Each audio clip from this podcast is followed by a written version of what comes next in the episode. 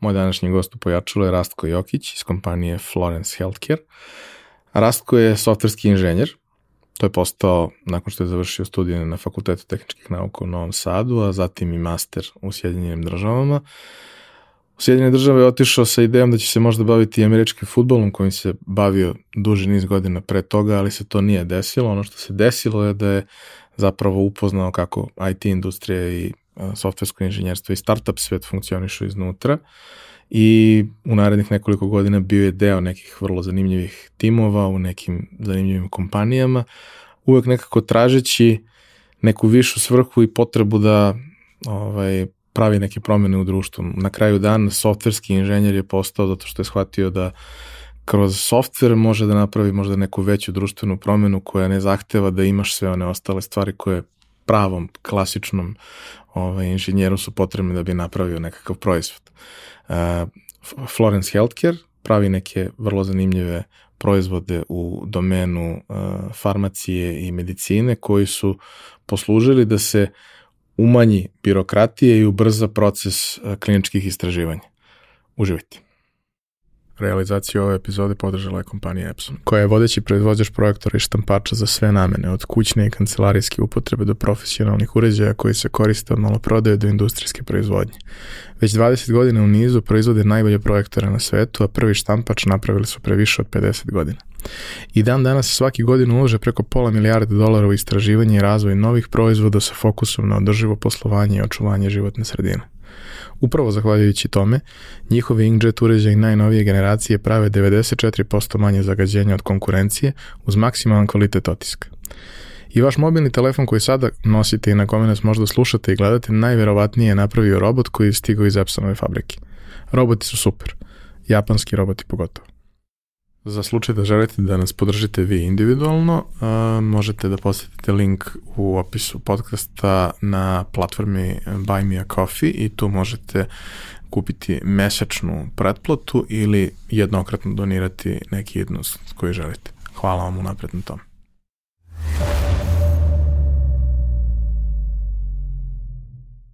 Rasko, dobrodošao. Nemamo često priliku da pričamo ovde sa ljudima koji rade neke toliko aktuelne i važne stvari kao što ti radiš trenutno u, u, u kompaniji sa kompanijom ovaj, u kojoj si co-founder. Uh, I volao bih za sam početak da nam kažeš nešto u, u par rečenica o tome uh, čime se vi bavite, koja je neka kratka priča toga, kasnije ćemo doći do toga detaljno i proći ćemo ceo tvoj razvojni put, ali pošto je specifična tema i vrlo specifičan trenutak u vremenu, mislim da nije loše da imamo i na početku mali intro o tom. Na, pre svega bolje, bolje te našao, hvala ovaj, što si me, što si me ugostio, velika je čast. Uh, što se tiče nas i, i, i Florensa, mi se bavimo uh, kliničkim istraživanjima i uh, konkretnije bavimo se organizacijom dokumentacije u u samim kliničkim istraživanjima. E, konkretno, e, kao što si rekao, vrlo je, vrlo je aktualna tema i nešto što je tek sada došlo e, na videlo, sad se ljudi interesuju za to. Ranije je to, da kažem, išlo onako malo više ispod, ispod radara. Glavna problematika koju mi pokušavamo da rešimo u samim istraživanjima nije taj neki, da kažemo, naučni ili medicinski deo, mi pokušavamo da rešimo onaj dosadniji i, i, i teži o, za doktore, pogotovo i naučnike, taj administrativni deo. Da, svako istraživanje sa sobom vuče gomilu neke dokumentacije yes. i svega koja mora da bude baš tačno takva da bi mogla da se prizna za svaki slučaj na kome se radi istraživanje i to je uvijek pakao yes. i time u suštini, jeli, niko ne želi da se bavi i niko ne Tako želi je. da proverava sve 16.000 puta. Tako je, pogotovo uh, doktori, lekari koji su na tim takozvanim sajtovima, oni su ljudi koji su uh, učili i za svoju nauku i, i, i medicinu, učili su kako da uh, tretiraju pacijente, kako da uspostavljaju diagnoze, lečenja i tako dalje. Niko od njih nije prošao kurseve administracije, uvođenje dokumentacije, birokratije, jest. I to postaje, predstavlja jako, jako veliku kočnicu za čitavu, čitavu industriju. E, taj, da kažem, sudar naučnika s jedne strane sa, sa administracijom.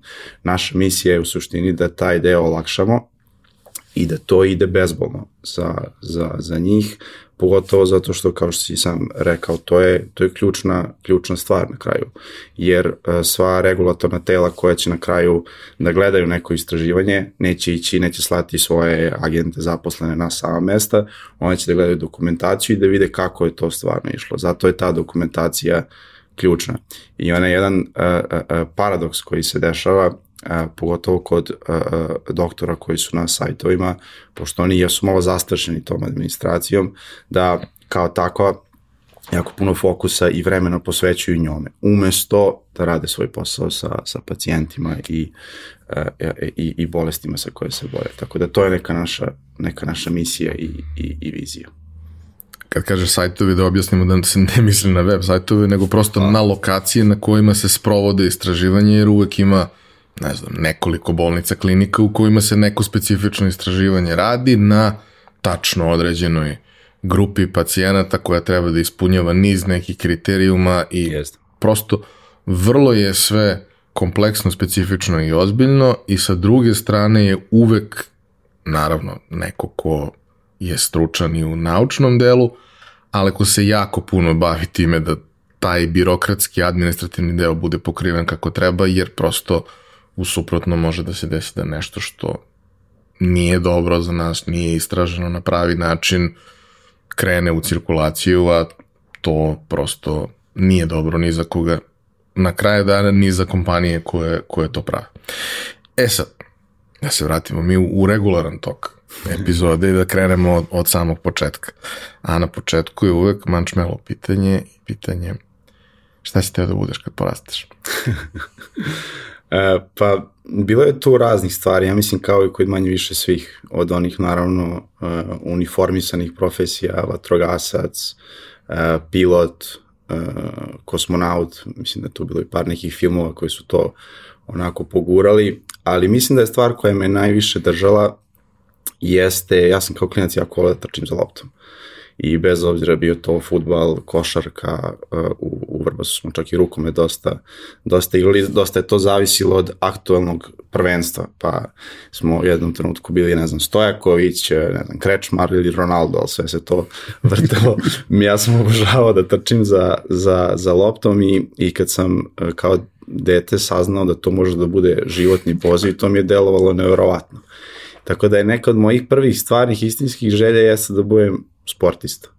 Čak ne i neki određeni uh, sport, nego gde me, možda se kaže, gde me vetar uh, nanese. Meni je to delovalo previše u jednom trenutku čak i previše uh, uh, uh, dobro da bi bilo istinito. To što sam posle i ovaj, uvideo da ni to baš, ni to baš tako trčanje za loptom i sve je bajno i sjajno.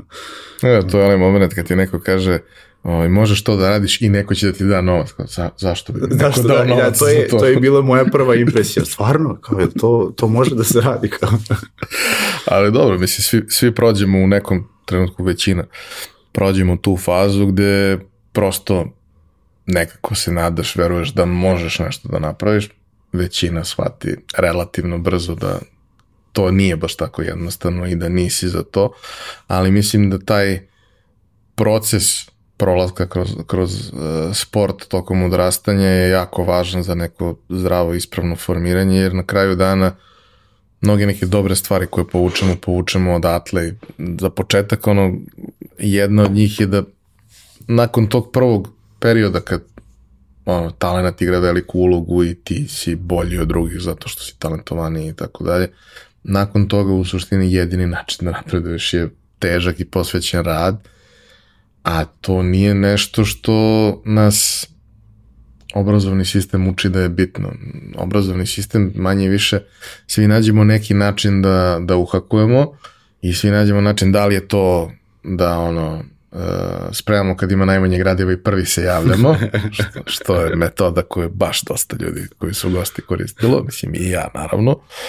Ovaj, ili je to varijanta gde radimo kampanjski i sve ostalo, jer kao čak i da si probao drugačije to da radiš u osnovnoj srednjoj školi, onog trenutka kad dođeš na fakultet, sve ti se prebacuje u taj režim i više to neko sistemsko znanje, šire znanje, principu nema neku nema neku posebnu vrednost. Jeste, uh, mene, uh, sad kad kažeš za, za, za formiranje kao neke buduće ličnosti, mislim da je meni um, lično sport tu igrao jednu, jednu jako, jako bitnu ulogu. Um, ta moja želja trčanja za loptom negde je posle prerasla. Ja sam mislio da sam, uh, sam jako, sam osoba koja voli da se takmiči sa drugima, da voli druge da pobeđuje.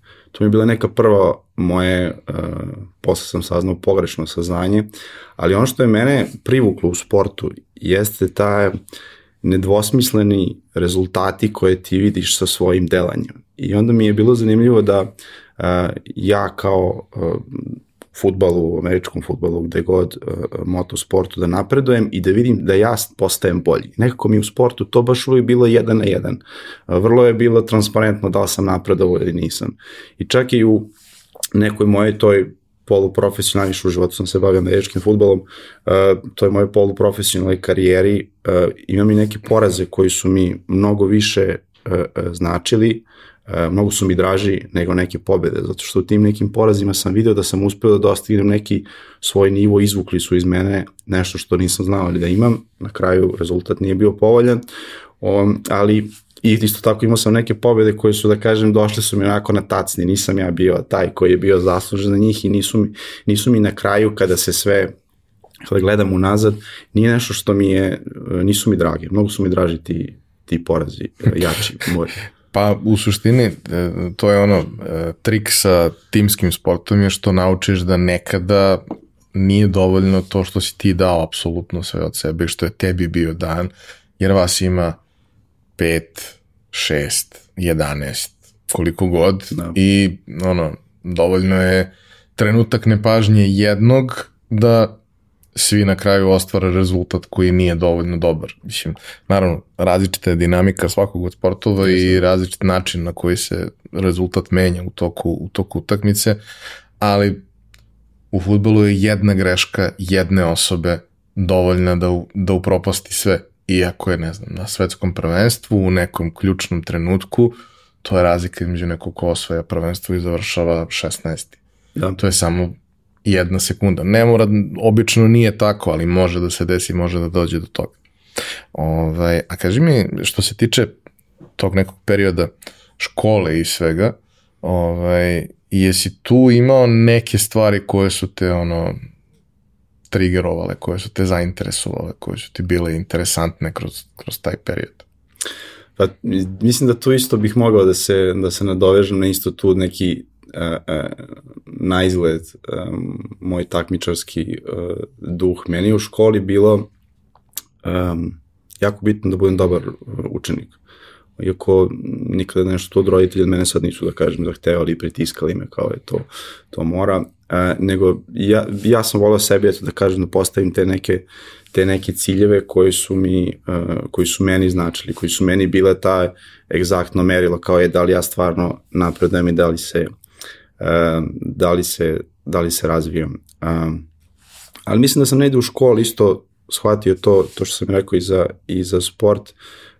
Super je biti super je biti dobar učenik, nekada, kao što verovatno i, i ti znaš, nekada ti ocene padnu same, desi se, iako nisi učio, možda i jesi, ali pogodite pitanje, a nekada možeš da učiš sve, propustiš jednu lekciju i da te baš ona, te ona sačeka. Shvatio sam da na kraju taj rezultat je manji ili više bitan i mnogo je Uh, uh, suština je šta, šta je to što poneseš sa sobom, to što naučiš. Da li si ti pristupio tome na način na koji, uh, na koji ti smatraš ispravnim. Šta god to bilo. Nekome je možda uh, veština da nauči da, da kampanjski reši neke stvari uh, uh, isprava način i to je super ako je neko, nekog to ispuni kad to uradi, to je odlično. Uh, ja sam više volao da budem, da kažem, metodičan u tom, u tom nekom, tom nekom pristupu i, i to me, to me ispunjavalo.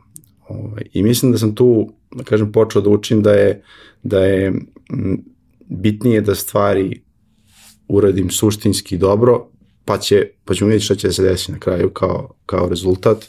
Ima tu dosta sreće ovaj, kao, kao, kao faktore. To je što sam krenuo da nosim nosim već u, i u školi, i u srednjoj i, i na kraju posle na, na fakultetu, kao što se rekao, fakultet je baš onako jedan poseban izazov bio uh, iz, uh, meni je baš bio ozbiljan izazov, ovaj, jer je to neka od nas se stvarno zahtevalo da taj način da bi uspeo da ostvariš neki, da kažem, uspeh, moraš da stvarno da radiš svakodnevno, da radiš na sebi, da radiš na svojoj svoje veštini, pogotovo što ja, ja sam otišao na, na, na E2, na, na FTN, ja pre toga nisam imao nikakvog dodira sa programiranjem i sa inženjerstvom kao takvim.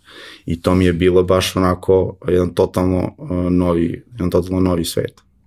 E sad, ovaj, mislim, FTN, imali smo par gostiju koji su pričali i ja znam dosta ljudi, drugara, kolega iz, iz Novog Sada, Vojvodine generalno, koji su se opredelili za FTN i on je uvek imao poslednjih recimo 15 možda i 20 godina imao jako dobru reputaciju u smislu uh, naravno ne može ni jedan fakultet biti aktuelan sa onim što se dešava, ali da zapravo prilično dobro prati to sve, da ima jako kvalitetne ljude, asistente, da ima dosta nekih i, uh, i laboratorija i svega koje rade neke sjajne stvari. Ja sam vremenom i upoznao neke od tih ljudi, bio bukvalno oduševljen kako su iz nekih od tih laboratorija i projekata kasnije izrasle firme koje rade neke sjajne stvari, ali taj moment neke sa jedne strane aktuelnosti toga svega i posvećenosti, ona kritična masa nekih ljudi koji svašta nešto rade tu, znači u suštini ti realno ne moraš da izađeš s fakulteta da bi našao multidisciplinarni tim sa kojim da. ćeš da radiš,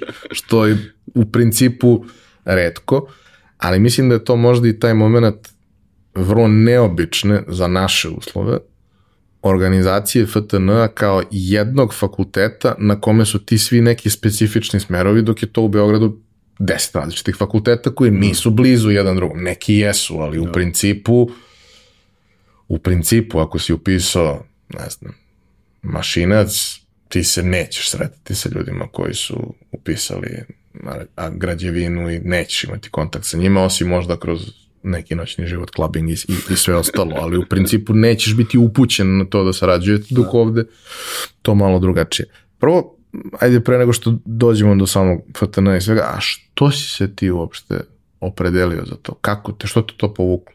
Obično ljude povuče jer je to već nešto što rade, pa kao, ok, ajde, nastavljamo dalje. Hoću malo strukture u mom ludilu, pa ću da idem tamo da studiram. Da. A što ti? Da, meni je to, uh, to je meni i slično pitanje mi je postavila i, i, i moja profesorka informatike kad me je pitala, ovo je tamo pred kraj četvrtog razreda srednje škole, kad me je pitala Rasko šta ćeš, uh, gde ćeš, uh, koji ćeš fakultet da ideš, ja sam tad već bio odlučio i kad sam mi rekao, ona je bila malo, Pa dobro, znaš, znajući moje neke, da, sam ja to radio, to samo toliko da, da dobijem oceru koju sam želeo, ona kao, pa možda malo, znaš, pogledaj i da možda ima nešto drugo što te, što te zanima. Uh, razlog zašto sam ja uh, izabrao uh, FTN i to kada sam kad sam uvideo to, baš nisam imao nikakvu, da kažem, dilemu, ali nešto što je mene moj otaca i dan danas me uči jeste rešavanju problema na način da ti razumeš esenciju stvari koje pokušavaš da rešiš, da stvarno razumeš njihovu bit i, i, i razlog zašto se nešto dešava na neki određeni način. Um, To može da se primeni na razne stvari. Može da se primeni u mašinstvu, može da se primeni u, u, u zanatstvu. E, I ja sam tražio kao srednjoškolac, e, pokušavao sam da nađem neku struku gde bih ja mogao to da, da primenim. E, moja tetka srećem je softverski inženjer već tada bila i u razgovoru sa njom sam video se meni otvorio jedan svet koji do tada uopšte nisam znao da je takav, šta znači softversko inženjerstvo. I, i uvideo sam da to razumevanje e, e, stvari i na kraju dizajniranje, postavljanje nekih sistema o, ovaj, o, u softveru je jednostavno manje više beskonačno. Možeš e, beskonačno da, da zabrljaš, ali možda nekad i napraviš nešto, nešto dobro. I to je razlog zašto je meni to, uopšte nisam imao dilemu, čak i ako pre toga nisam stvarno nikada nešto posebno kodirao. I uh, otišao sam na, na FTN sa ciljem da da naučim te neke osnovne principe inženjerstva kodiranja, jer sam mislio i mislim da nisam pogrešio da će mi to pomoći da rešim neke, neke probleme koje ne nužno da budu vezano za, za sam za sam softver. Tako da eto, to je to je bila neko moje, neki moj razlog. I baš stvarno, kada, kada sam i to, kada sam ovdje, čak su i meni roditelji isto malo preispitivali, pošto nisam nikada nešto posebno pričao o tome, ali uopšte nisam imao dilemu kad sam uh, spoznao kako to kako to funkcioniše. I, I kao što sam rekao, na stvarno mi nije bilo, uh, nije bilo baš lako na, na FTN-u gde se onako odmah kreće sa, sa dobro sećam, odmah smo krenuli sa C-om, C-om i programiranjem ovaj, i, i morao sam stvarno tu dosta da se, da, da hvatam hvatam priključak. Um, ali da se nadovežem to što si, što si rekao za, za FTN, um, ono što se meni jako svidelo i mislim da se, sam se tu poklopio sa tim fakultetom jeste FTN stvarno pokušava da drži korak sa, sa industrijom što je, što je fantastično, ali mislim da i dalje suština onoga što, sa čime studenti izađu sa FTN jeste osnova i, i razumevanje nekih osnovnih principa rešavanja problema.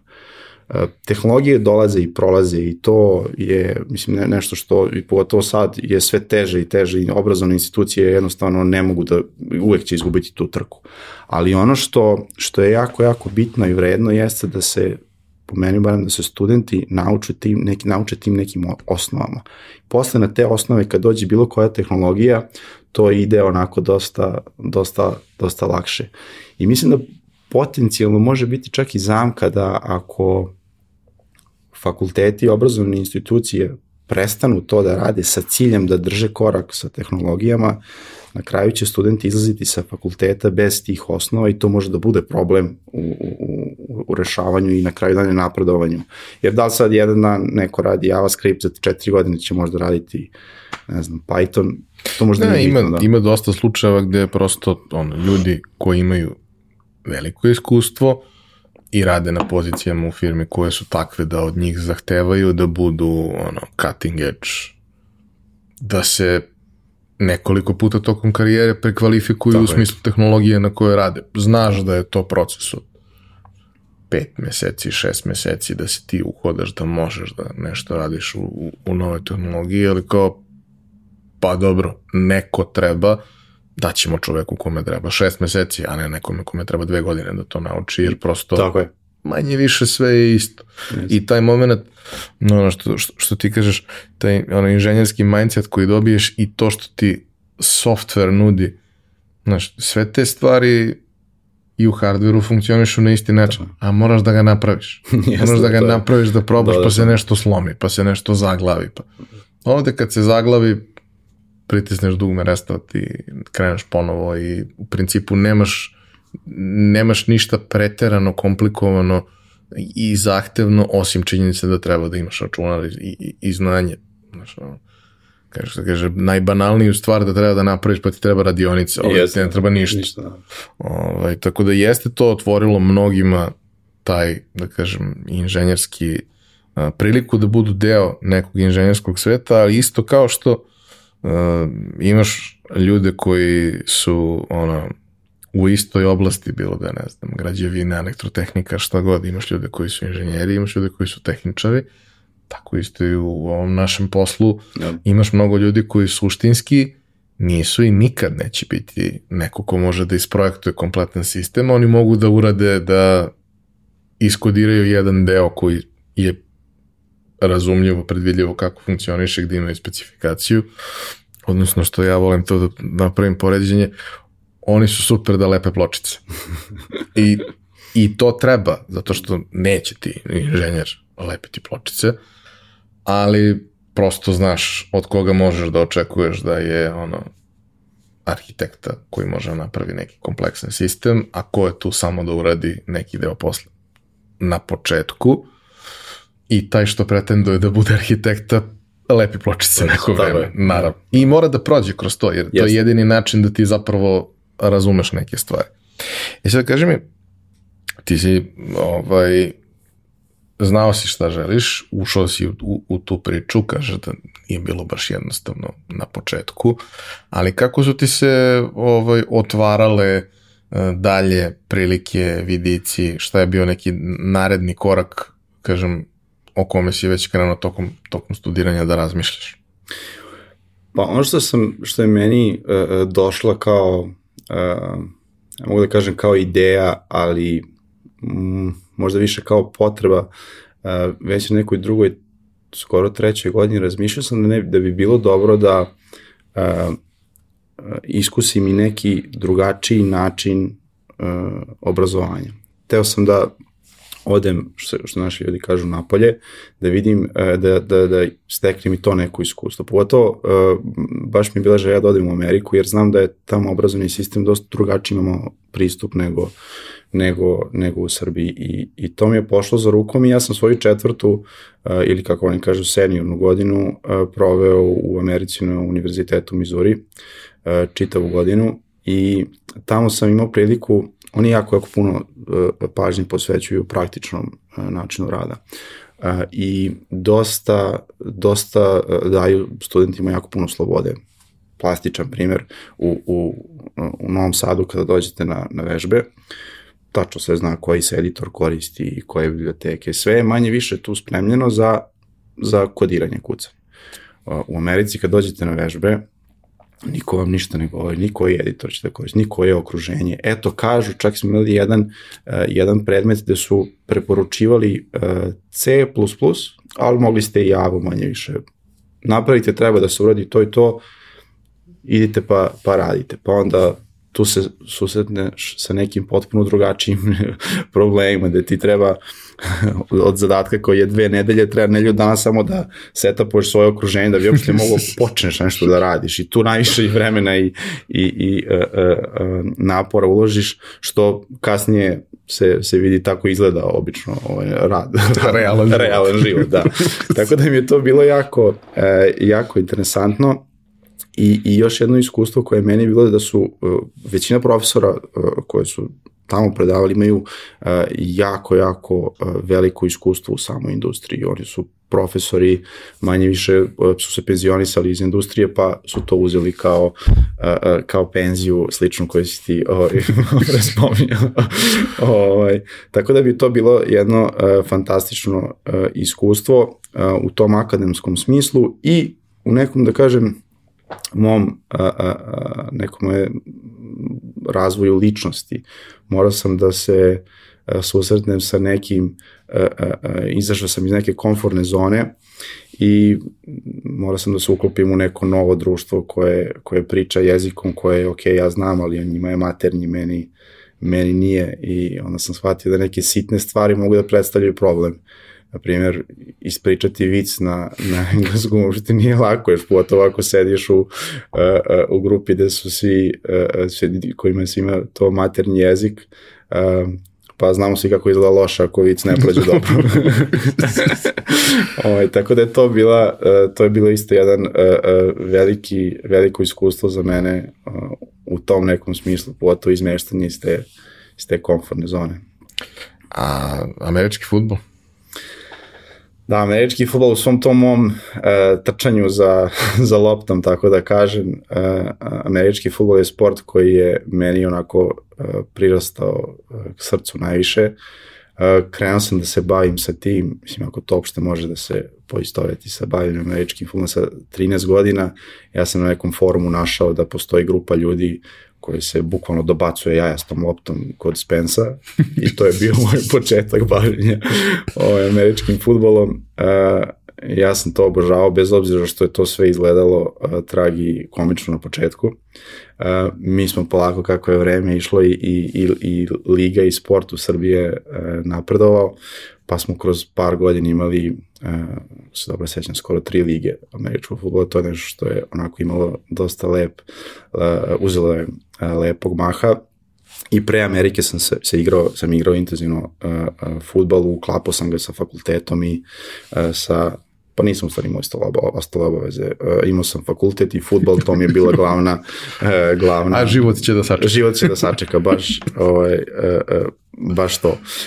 I mislim da mi je američki futbol onako baš bila jedna ozbiljna, ozbiljna škola, jer je pored onog figurativno što ljudi kažu kada te neko obori pa moraš da ustaneš u američkom futbolu, te stvarno ljudi udare i o, imaš ukus, često imaš ukus zemlje u ustima i moraš da nastaviš posle toga da, uh, da, da funkcionišeš. Ovaj, imao sam i, i pokušaj da kažem uh, da, da igram na, na koleđu, međutim zbog ironično zbog administracije i dokumentacije nisam uspeo da, da dobijem ovaj, dozvolu, međutim kad sam se vratio sa, sa koleđa iz, iz Amerike sam nastavio da igram, nastavio sam da igram u Srbiji i tu sam da kažem uh, počeo da se bavim uh, tim na poluprofesionalan način. Radio sam, uh, imao sam posao u Novom Sadu i igrao sam ovaj, futbal i to je bilo baš kao što kažeš, bukvalno život u tom trenutku nije postojao sem posla i, i, i futbola. To je bio baš jedan zanimljiv onako period gde sam ja uh, slobodne dane koje sam imao u tom trenutku nisam koristio za odmor, nego za pripreme. I onda se ja sa slobodnih uh, sa odmora se vratim poluživ. uh, ali taj moment gde, ovaj, ne znam kako to ide u američkom futbolu, verovatno je slično kao, kao u košarci, da ti kada dođeš tamo, ako si igrao nešto, onda tu prvu svoju sezonu u na koleđu si redshirt, ne možeš da, da igraš. Da. E sad kad dolaziš kao senior, onda imaš jednu sezonu, pa da. je to malo problem. Kad dolaziš na prvoj godini, nije, nije bitno. Imaš još tri, pa igraćeš dve, jedno ćeš otići na kraju možda u profesionalnu neku ligu, nešto.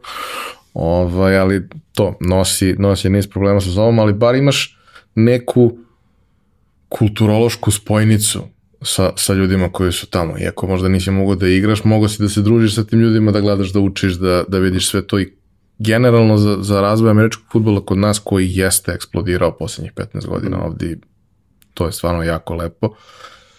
Jedan od glavnih razloga je što su dolazili neki ljudi da nas uče te stvari, jer kao koliko god da ti želiš da, da učiš kroz YouTube i sve ostalo, neko ipak mora da ti pokaže Absolutno. nešto.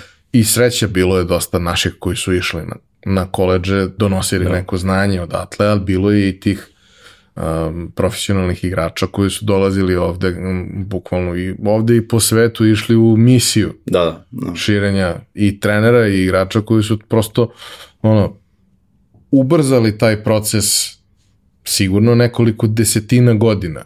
Da. Pa smo mi došli do toga da, ok, u poređenju sa američkim ekipama nismo konkurentni, ali u poređenju sa nekim regionom i sve ostalo, svašta nešto se tu interesantno dešavalo i Tako naši je. klubovi su osvajali regionalne lige, bili dobri Jeste. na evropskom nivou i, i sve što usto ide.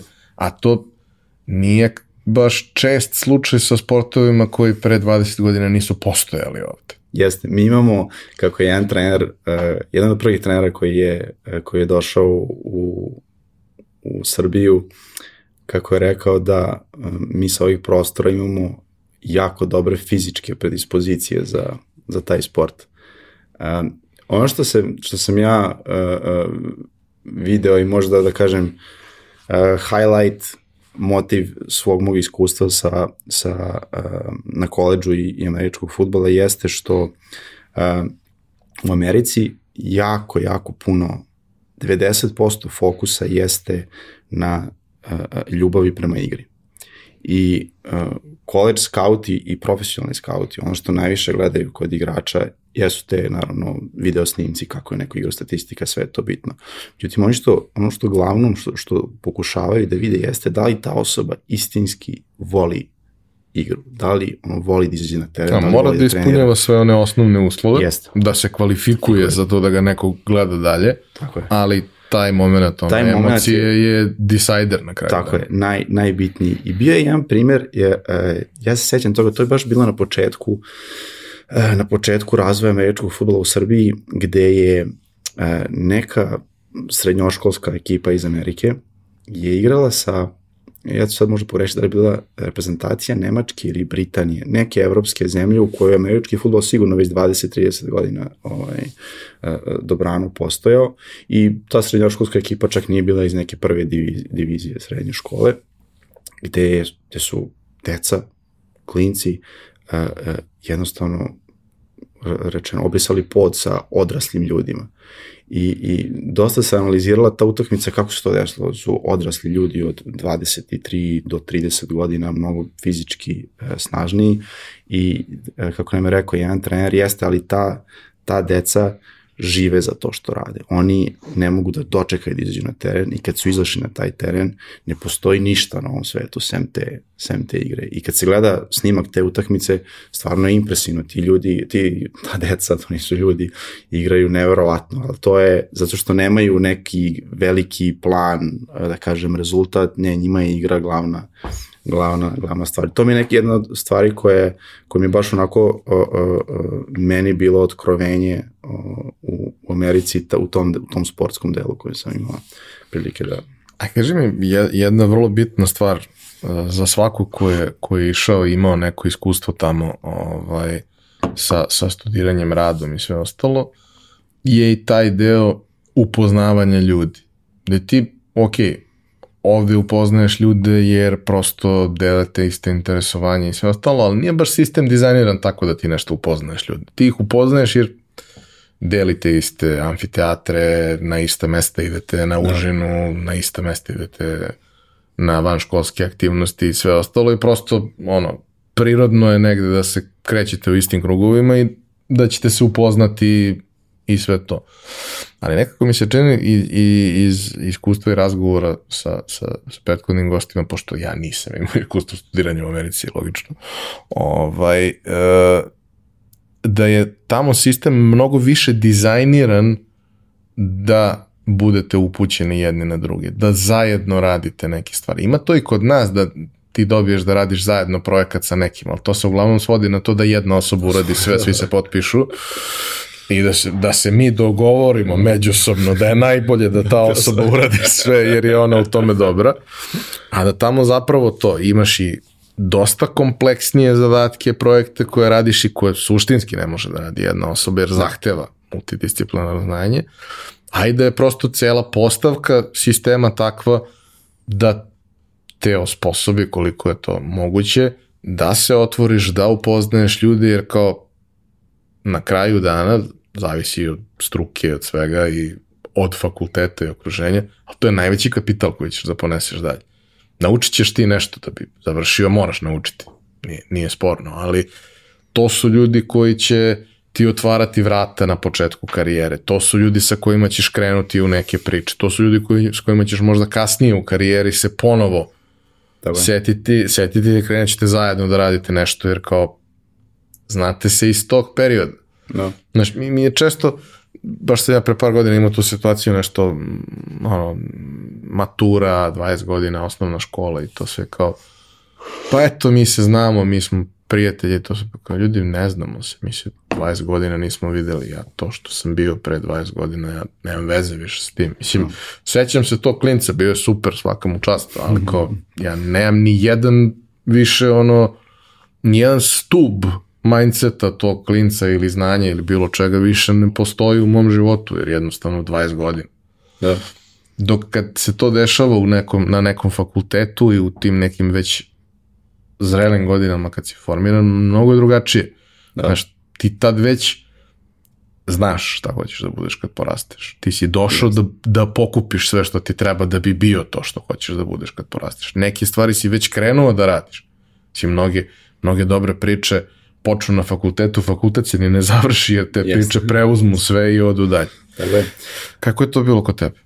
Mislim da si pogodio uh, suštinu, uh, ja ako bi uh, sažeo šta je meni boravak u Americi doneo, a to je baš to, uh, to veština da da upoznaš različite ljude, da se, da se snađeš u nekom, da kažem, ne, tom trenutku nepoznatom okruženju. Ali doći do toga da se vratim na ovo što si rekao, to mi je zanimljivo, mislim da je, da tu ima, da je to više slojno u, u američkom obrazovnom uh, sistemu, konkretno za projekat koji si uh, rekao, kada se da grupi ljudi, um, meni je to na, na početku bilo čudno da je to toliko po, po automatizmu da krajnja ocena koju grupa dobija jeste naravno rešenje koje se, e, e, koje se, doprine, koje se donese, ali se ocenjuje i koliko je, kakva je kohezija grupe.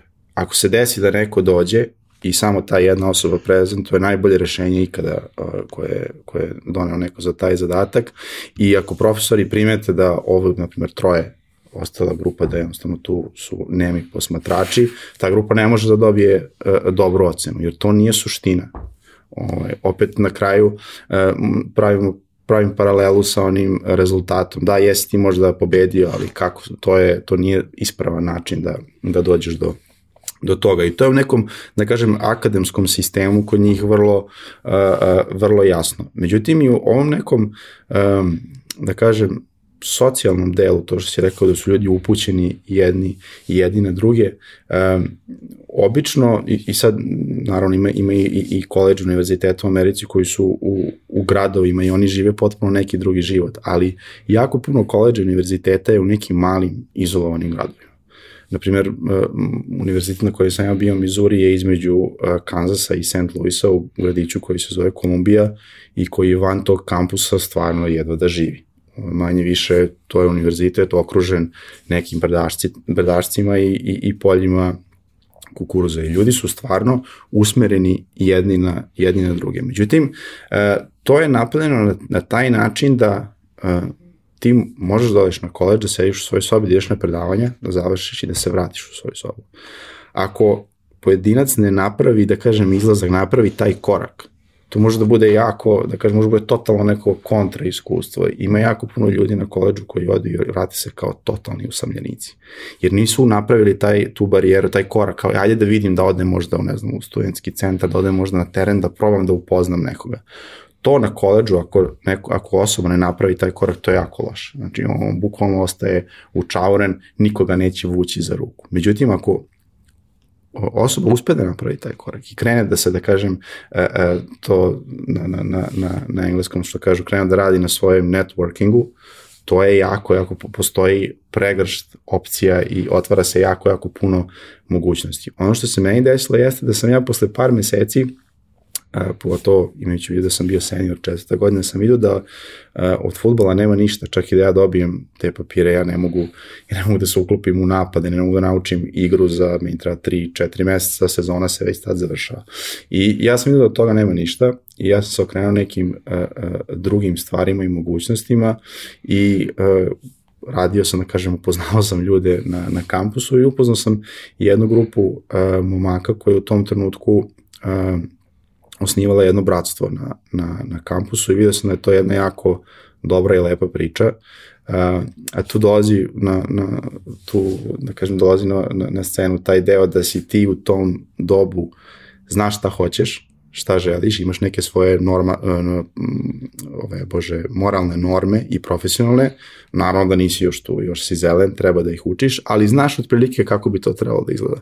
I, i, i ta grupa ljudi je meni izgledala da deli neke uh, uh, moralne norme uh, sa mnom i da kažem, tu sam imao prilike da, da upoznam uh, i, i da radim neke jako, jako zanimljive stvari, projekte sa uh, sa ljudima koje sam upoznao, koje pre nikad nisam znao, koje sam tu upoznao, s kojima sam ostvario neki odnos. Uh, opet i tu je bilo svake nedelje, da kažem, e, trebalo je možda nekad reći nešto ispred veće grupe ljudi, što do tada je meni bilo užasavajuće, potpuno. Jer ti si inženjer. Jer ja sam inženjer, dakle, ja sam, ja, ja pričam kao sa, pričam sa kompjuterom.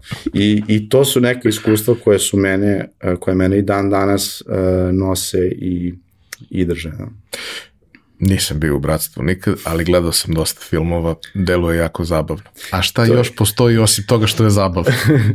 Jer kao, znaš, jedna stvar su žurke i sve što uz to da. ide, ali čemu zapravo služi da. bratstvo? Šta je ideja toga? Da, to je kao, kao i dosta stvari sa, sa, sa, sa filmom je, da kažem, film uzme ono nešto što je neko, neki, da kažem, detalje koji mogu biti uh, zanimljivi.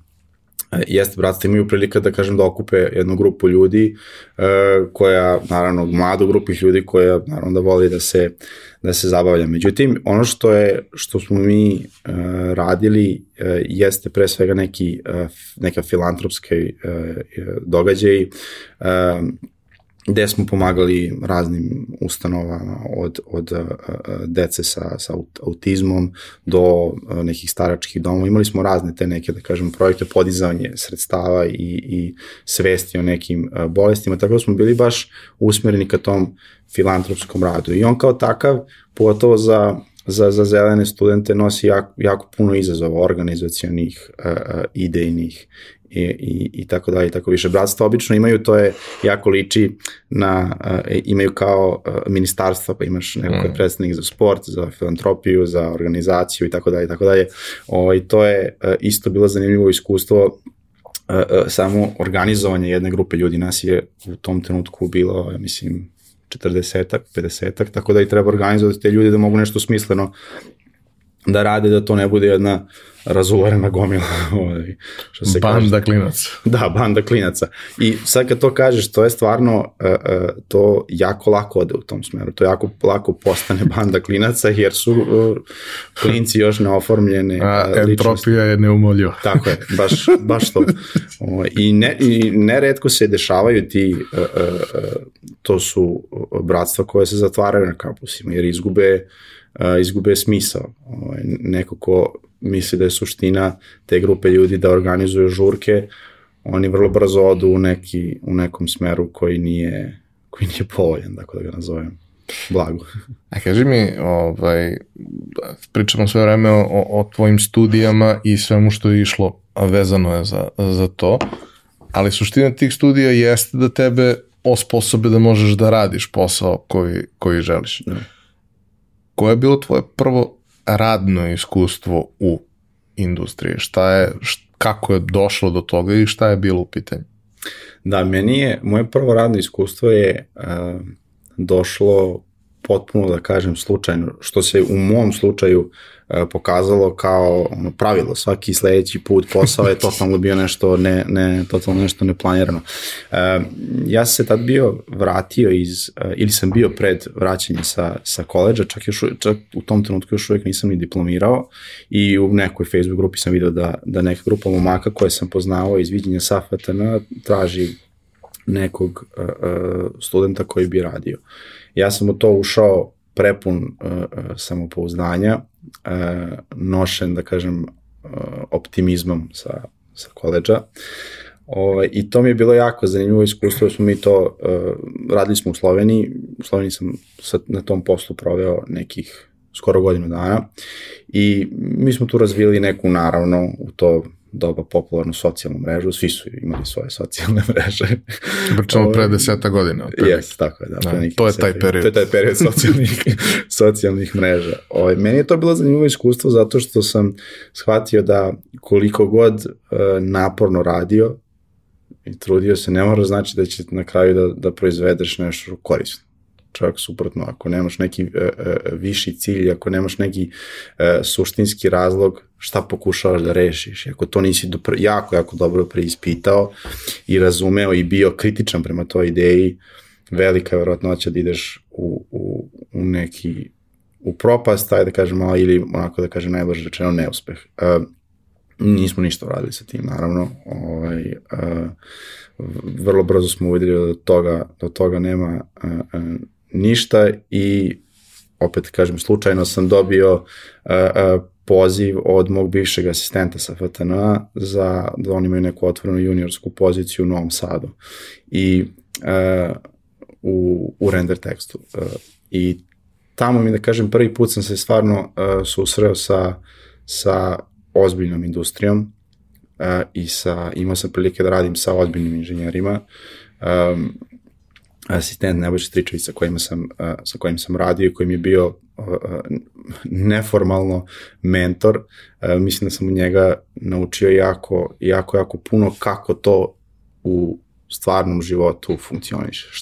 Šta su stvari koje su bitne i, i, i kako bi trebalo da se pristupa rešavanju problema. I, i generalno u tom trenutku ceo taj kolektiv je bio jako, jako pozitivan za mene. Baš sam, mislim da sam onako bio sam ku sunđeru, pio sam sve živo što sam, što sam video i, i, i mogao.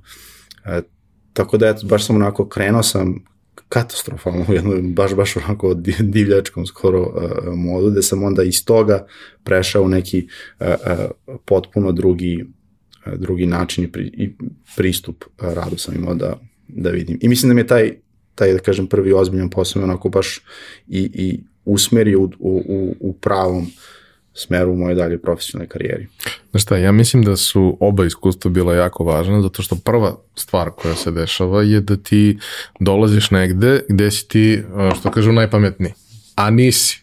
Ali nema niko drugi, pa sad moraš ti da rešiš sve probleme i ti ćeš da ih rešiš najbolje što umeš i možeš, ali ćeš za pet godina da shvatiš da je većina toga bila bez veze. Da. Ali ti treba da prođe pet godina iskustva Jeste. i svega.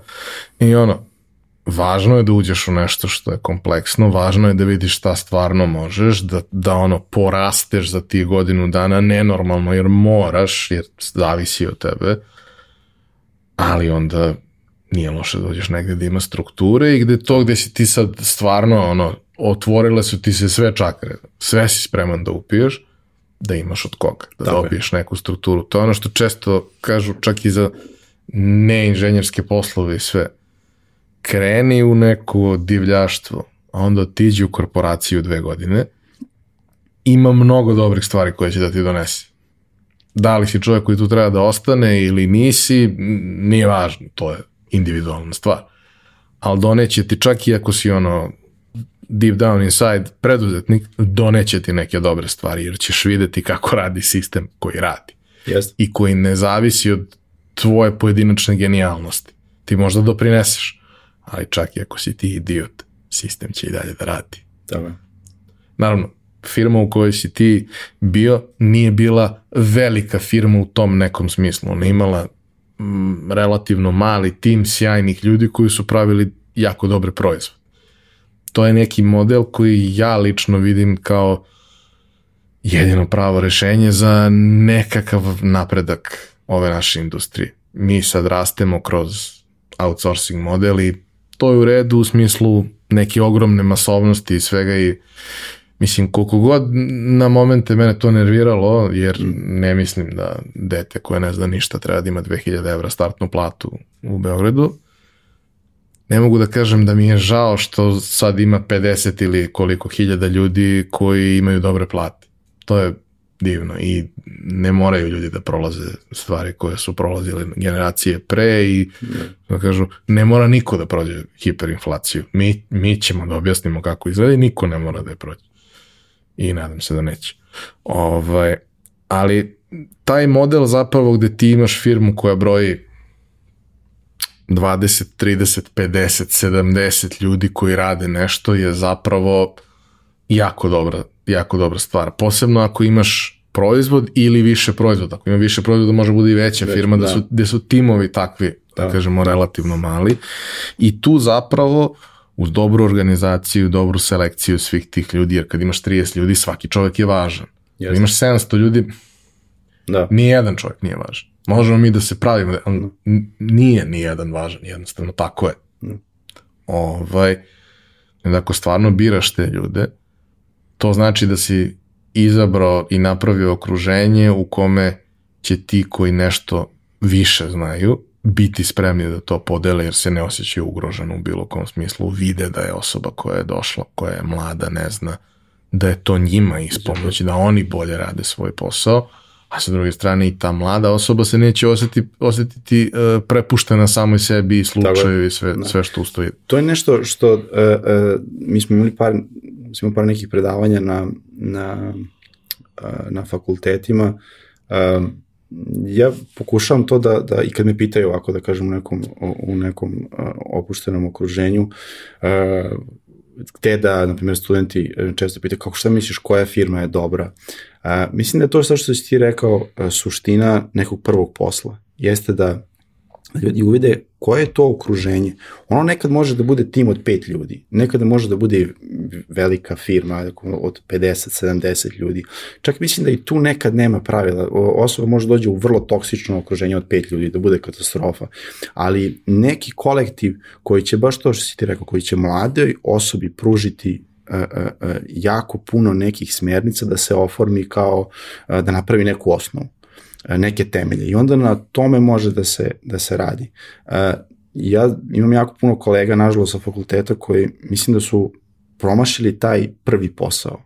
Da, da kada se ode u neku, da kažem, previše specifično okruženje, e, na primjer, ti ćeš sada da radiš bagove u tom i tom sistemu kada si, e, kada si ono jedan mali šraf, nikada se na, na tom prvom poslu onda ne može otići u širinu, što je, što mislim da je pogrešno. Jer onda se kasnije sužavaju jako a, mogućnosti i, i, i potencijalne opcije za menjanje i posla.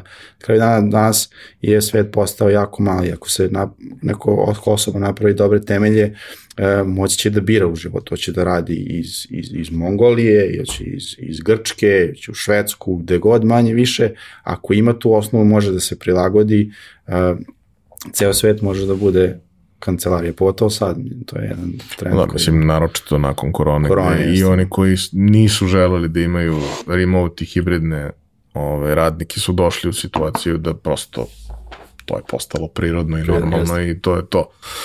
Nisam ljubitelj, ima svoje dobre strane, ima svoje loše strane, ja mislim da je neki miks možda nešto što je optimalno, jer ovaj, ne može ništa da zameni ručak sa kolegama na kome da. Popričate malo o problemima i kako ih rešiti, jer kao to nije nešto što ćeš neformalno uraditi na Slacku, Zoomu ili bilo kom od alata, da. jednostavno nećeš, to ćeš uraditi pauzi za kafu ili na ručku ili na da. čemu da. god, na pivu. Ovaj, ali dobro. To je jedan problem, sad izvinite što, što, što prekijem, to je jedan problem koji ja mislim da će industrija polako morati da rešava. Jer to, to što si ti rekao uopšte nije a, zanemarljivo. To nije stvar koja treba da se gura ispod tepiha a, a, i mislim da to čak i, i ljudi koji a, su obožavaju rad remote, e, takođe imaju e, potrebu za tim. Posle nekog vremena se uvidi to kao, e pa bilo bi super da se vidimo nekad, nedostaje nam to. Tako da to neki problem koji ja mislim da se sada javlja i bit će zanimljivo vidjeti kako će kako će to da se reši, na koji način, a da se opet ne izgubi ta fleksibilnost tog hibridnog načina rada koje definitivno ima svoje, svoje benefite. Znaš kako ja to vidim i, i kroz neko lično iskustvo rada na nekim kompleksnim projektima, a i, kažem, iz razgovora sa kolegama i to sve. Kad je došla korona, niko nije bio spreman na to. Gotovo niko ali vrlo brzo su svi postali spremni. I zapravo, sve one stvari koje su bile isplanirane, unapred dogovorene, sve one su se desile. Znači, da. to što smo se mi nekad negde dogovorili, imamo za narednih šest meseci u pipelineu šta treba da se radi, to se dešavalo, to se i to nekom ok dinamikom, normalno, ajde, možda je bilo malo usporeno, jer si imao situaciju da neko radi, radi, radi i onda dve nedelje je u autu, jer je dve nedelje u autu, a neki nažalost i duže i da. sa većim posledicama i tako dalje. Ali generalno, stvari su se dešavale i sve je bilo okej. Okay. Isto tako, ljudi koji su godinama radili zajedno su savršeno funkcionisali dalje. Ali imaš taj jedan problem, što kad treba nova kompleksna stvar da se radi, nemaš taj ekosistem u kome si navikao da to prodiskutuješ, rašaniš, dogovoriš, nemaš te okolnosti jer ste svako na vikendici, kući, gde da. god, ne viđate se. I druga stvar, novi ljudi koji uđu, u suštini nikad ne postanu, mislim, zavisi naravno od firme do firme i okolnosti, ali mnogo teže postanu deo toga i osjećaju pripadnost i razumeju se sa kolegama. Ti ih vidiš onog trenutka kad se oni pojave na Teamsu, Slacku, čemu god, ti ih vidiš kao sredstvo, ne vidiš ih kao osobu. Imaš novog juniora, dobro, daj mu nek radi nešto. Ok, a ti nisi seo sa njim na pivo da popričaš da vidiš koju muziku sluša. Niste otišli zajedno na utakmicu, jer toga nije bilo. I ta osoba nije postala deo tima u punom smislu, ta osoba će mnogo lakše da ode jer kao da nije ni, ni deo nečega, a i tim neće moći da napreduje i raste, jer postoji taj ono neki prirodni tok stvari da ljudi odlaze, ti ljudi koji su odlaze su bili integrisani u, u community, da.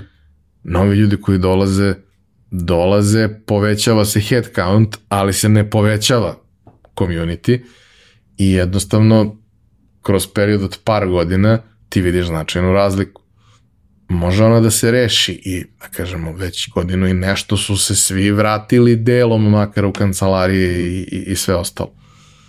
Ali mi rešavamo sad izazove za koje pre godinu i po dve, tri nismo znali da postoje.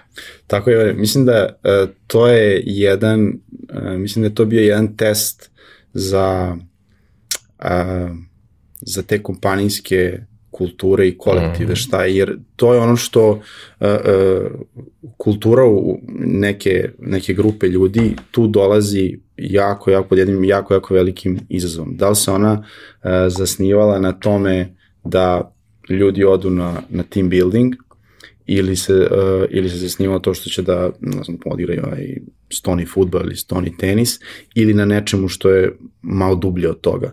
Uh, mi smo imali taj, da kažem, problem da uh, kad je krenula korona vrlo, vrlo brzo, nama je sada sigurno uh, i u Srbiji i u, i u Americi 70% ljudi trenutno koji su tu su nam došli dok smo bili da, vi ste još i rasli u tom. Jeste, da. mi smo najviše rasli u tom, u tom periodu I, i, i stvarno to je, bilo, to je bila jedna stvar koja je mene jako, jako plašila.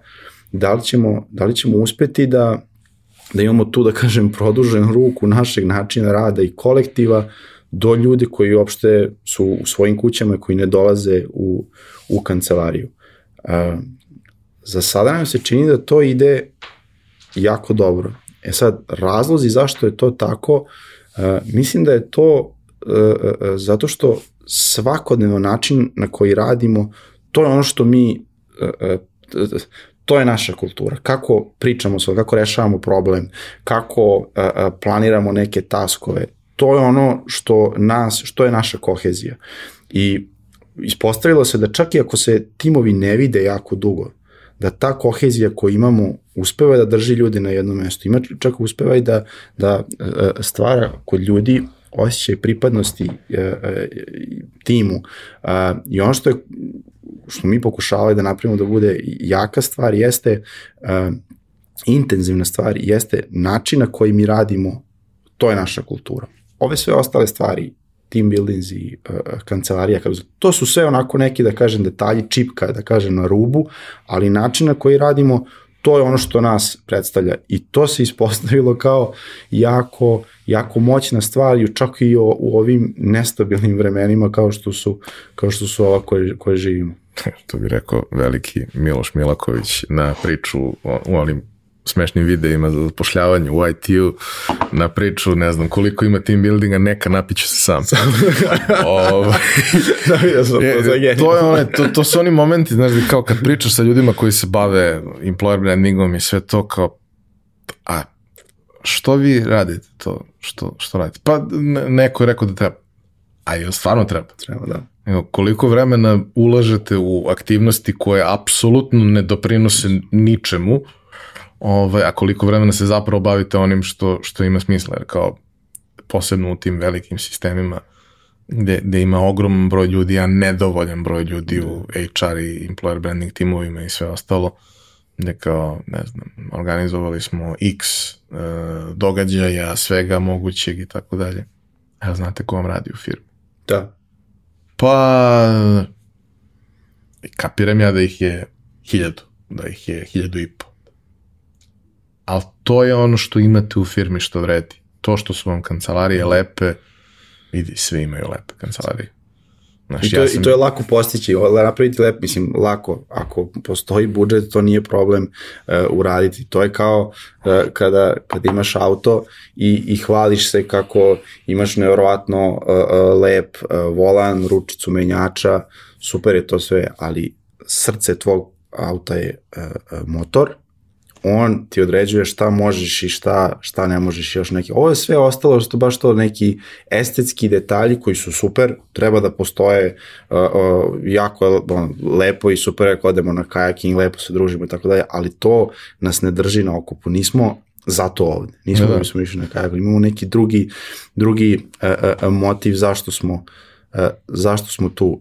Nešto što i meni, i baš smo malo pričali ovaj, pre nego što smo ušli u, u studiju o tome, uh, jeste da neka suština koja mi mislimo da je bitna, jeste da, da ljudi vole da rade, da, da, da imaju, su srećni da dolaze na, svoj, na svoje radno mesto. to je kliše jako, jako ono izliza, međutim, obično iza klišeja postoji neka, neka istina.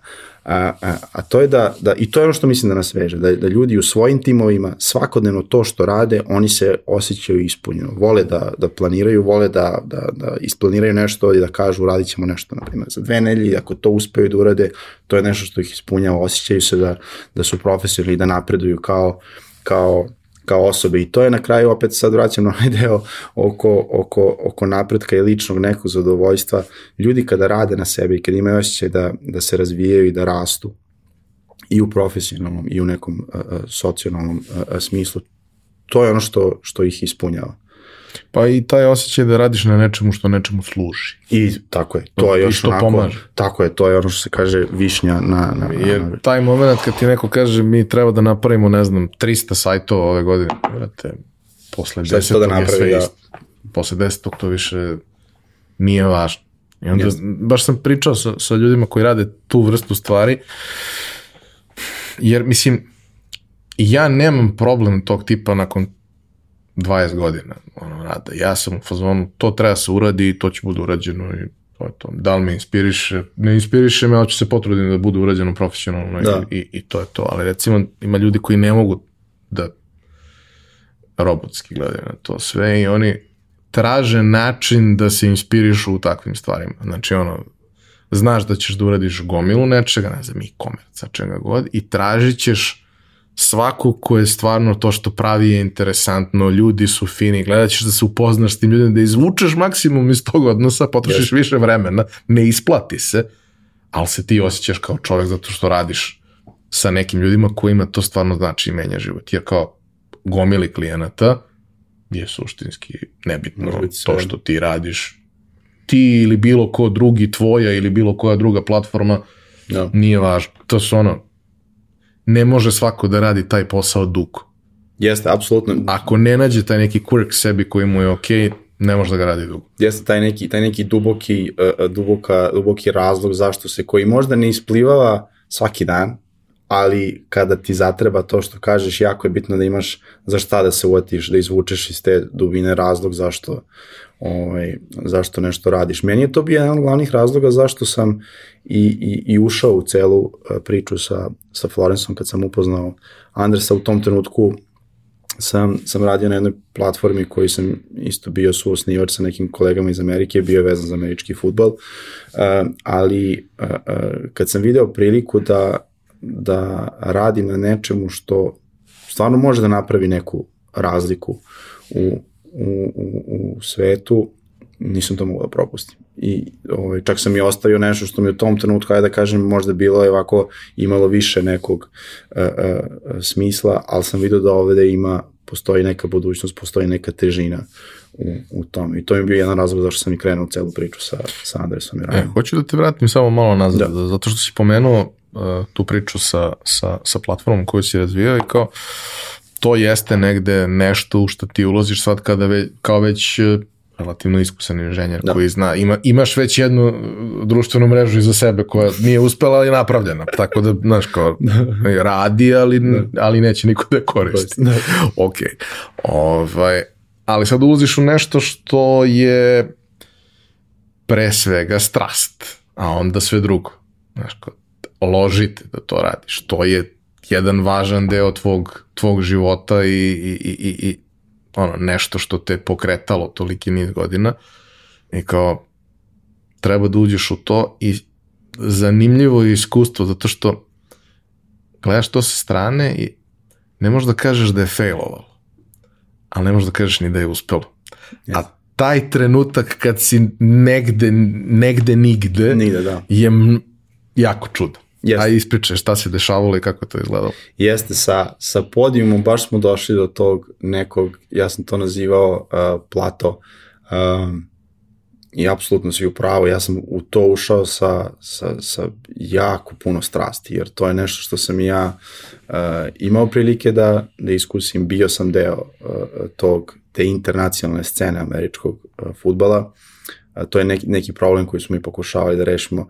Uh, u suštini mi smo pokušali da, da napravimo jedno potpuno novo tržište, uh, sportsko tržište igrača i timova van Amerike. Pošto u Americi to vrlo jasno zna se tačno kako stvari funkcionišu, mi smo to pokušali da napravimo za, za ceo svet. Mislim, vrlo onako, uh, vrlo ambiciozan zadatak. I imao je to neke svoje metamorfoze, ta platforma, koji su se obično sastavili toga da, da sasečemo ovaj, e, e, veličinu te naše platforme i, i to je išlo ok jedno vreme, pogotovo kako se to... Samo objasniš kao... kako, je to, kako je to funkcionisalo, šta je, šta je bila ideja?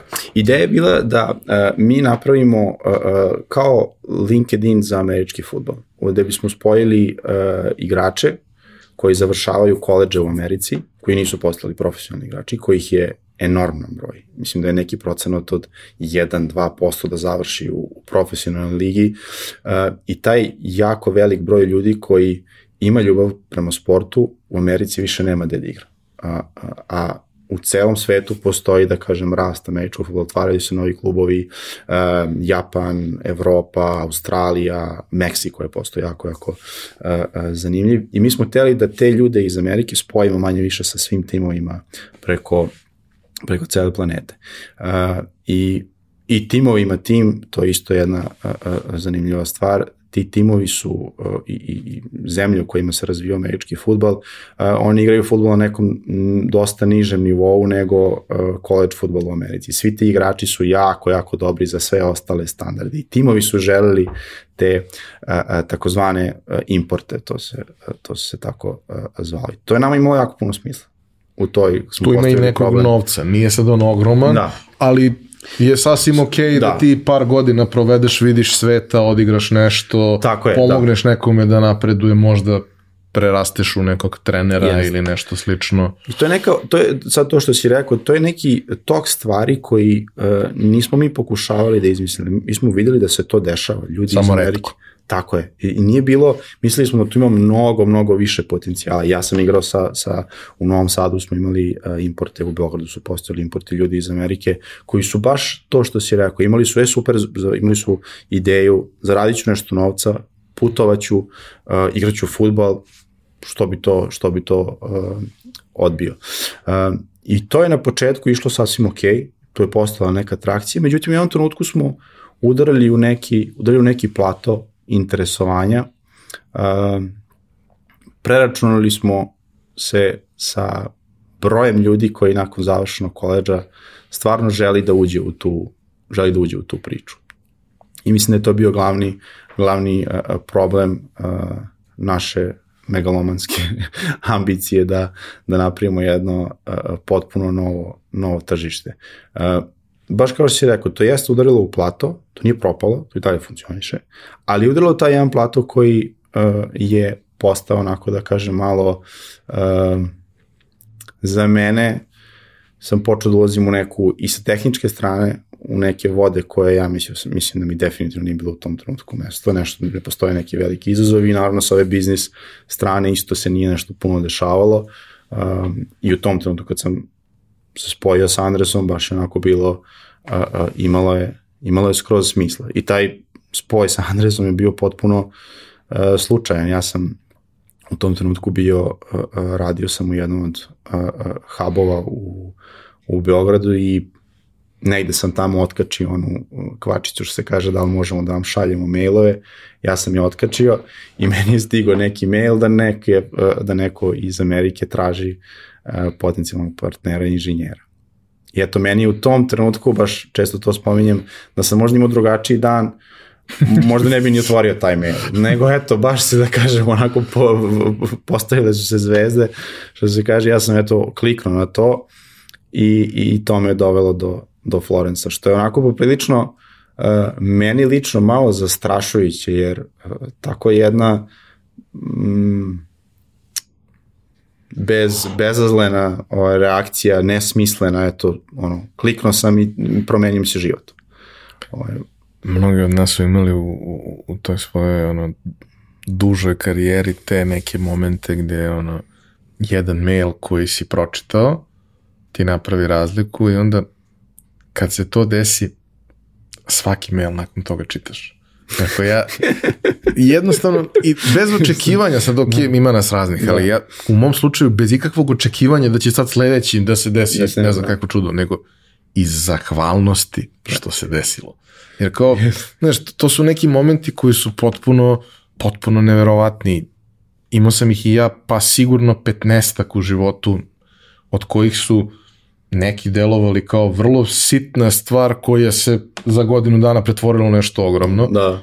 I kao jednostavno vrlo sam zahvalan na svemu tome. I to je ono, jedan od razloga što često ovaj, preusmeravam sve ljude da mi pišu na mail. Jer kao, ali da posleću ti ja na, na Facebooku, zaboravit ću.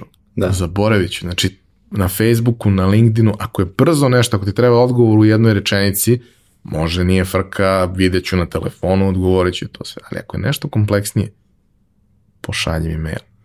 Zato što ću mail da čitam sa punom pažnjom, pročitat ću ga ja na telefonu, ok, ali ja na kraju dana ja sednem za laptop, iako nigde nisam planirao da radim ništa, sednem za laptop, temeljno svaki pregledam, malo sam i bolestan, očistim spam i sve ostalo, to, to su sad da, već ja, neke strašne ne, meni ne sme da stoji ništa od Znaš, to, kad taj da. moment, to, to, to, to, to znaš, kao, ka, kako možeš da koristiš telefon ako ima 86 nepročitanih poruka na, na 100 mesta, sad ono svaki, bukvalno na prvoj strani svaka ona ikonica ima ono krug crveni sa nekim, to, to znači, ne to mogu.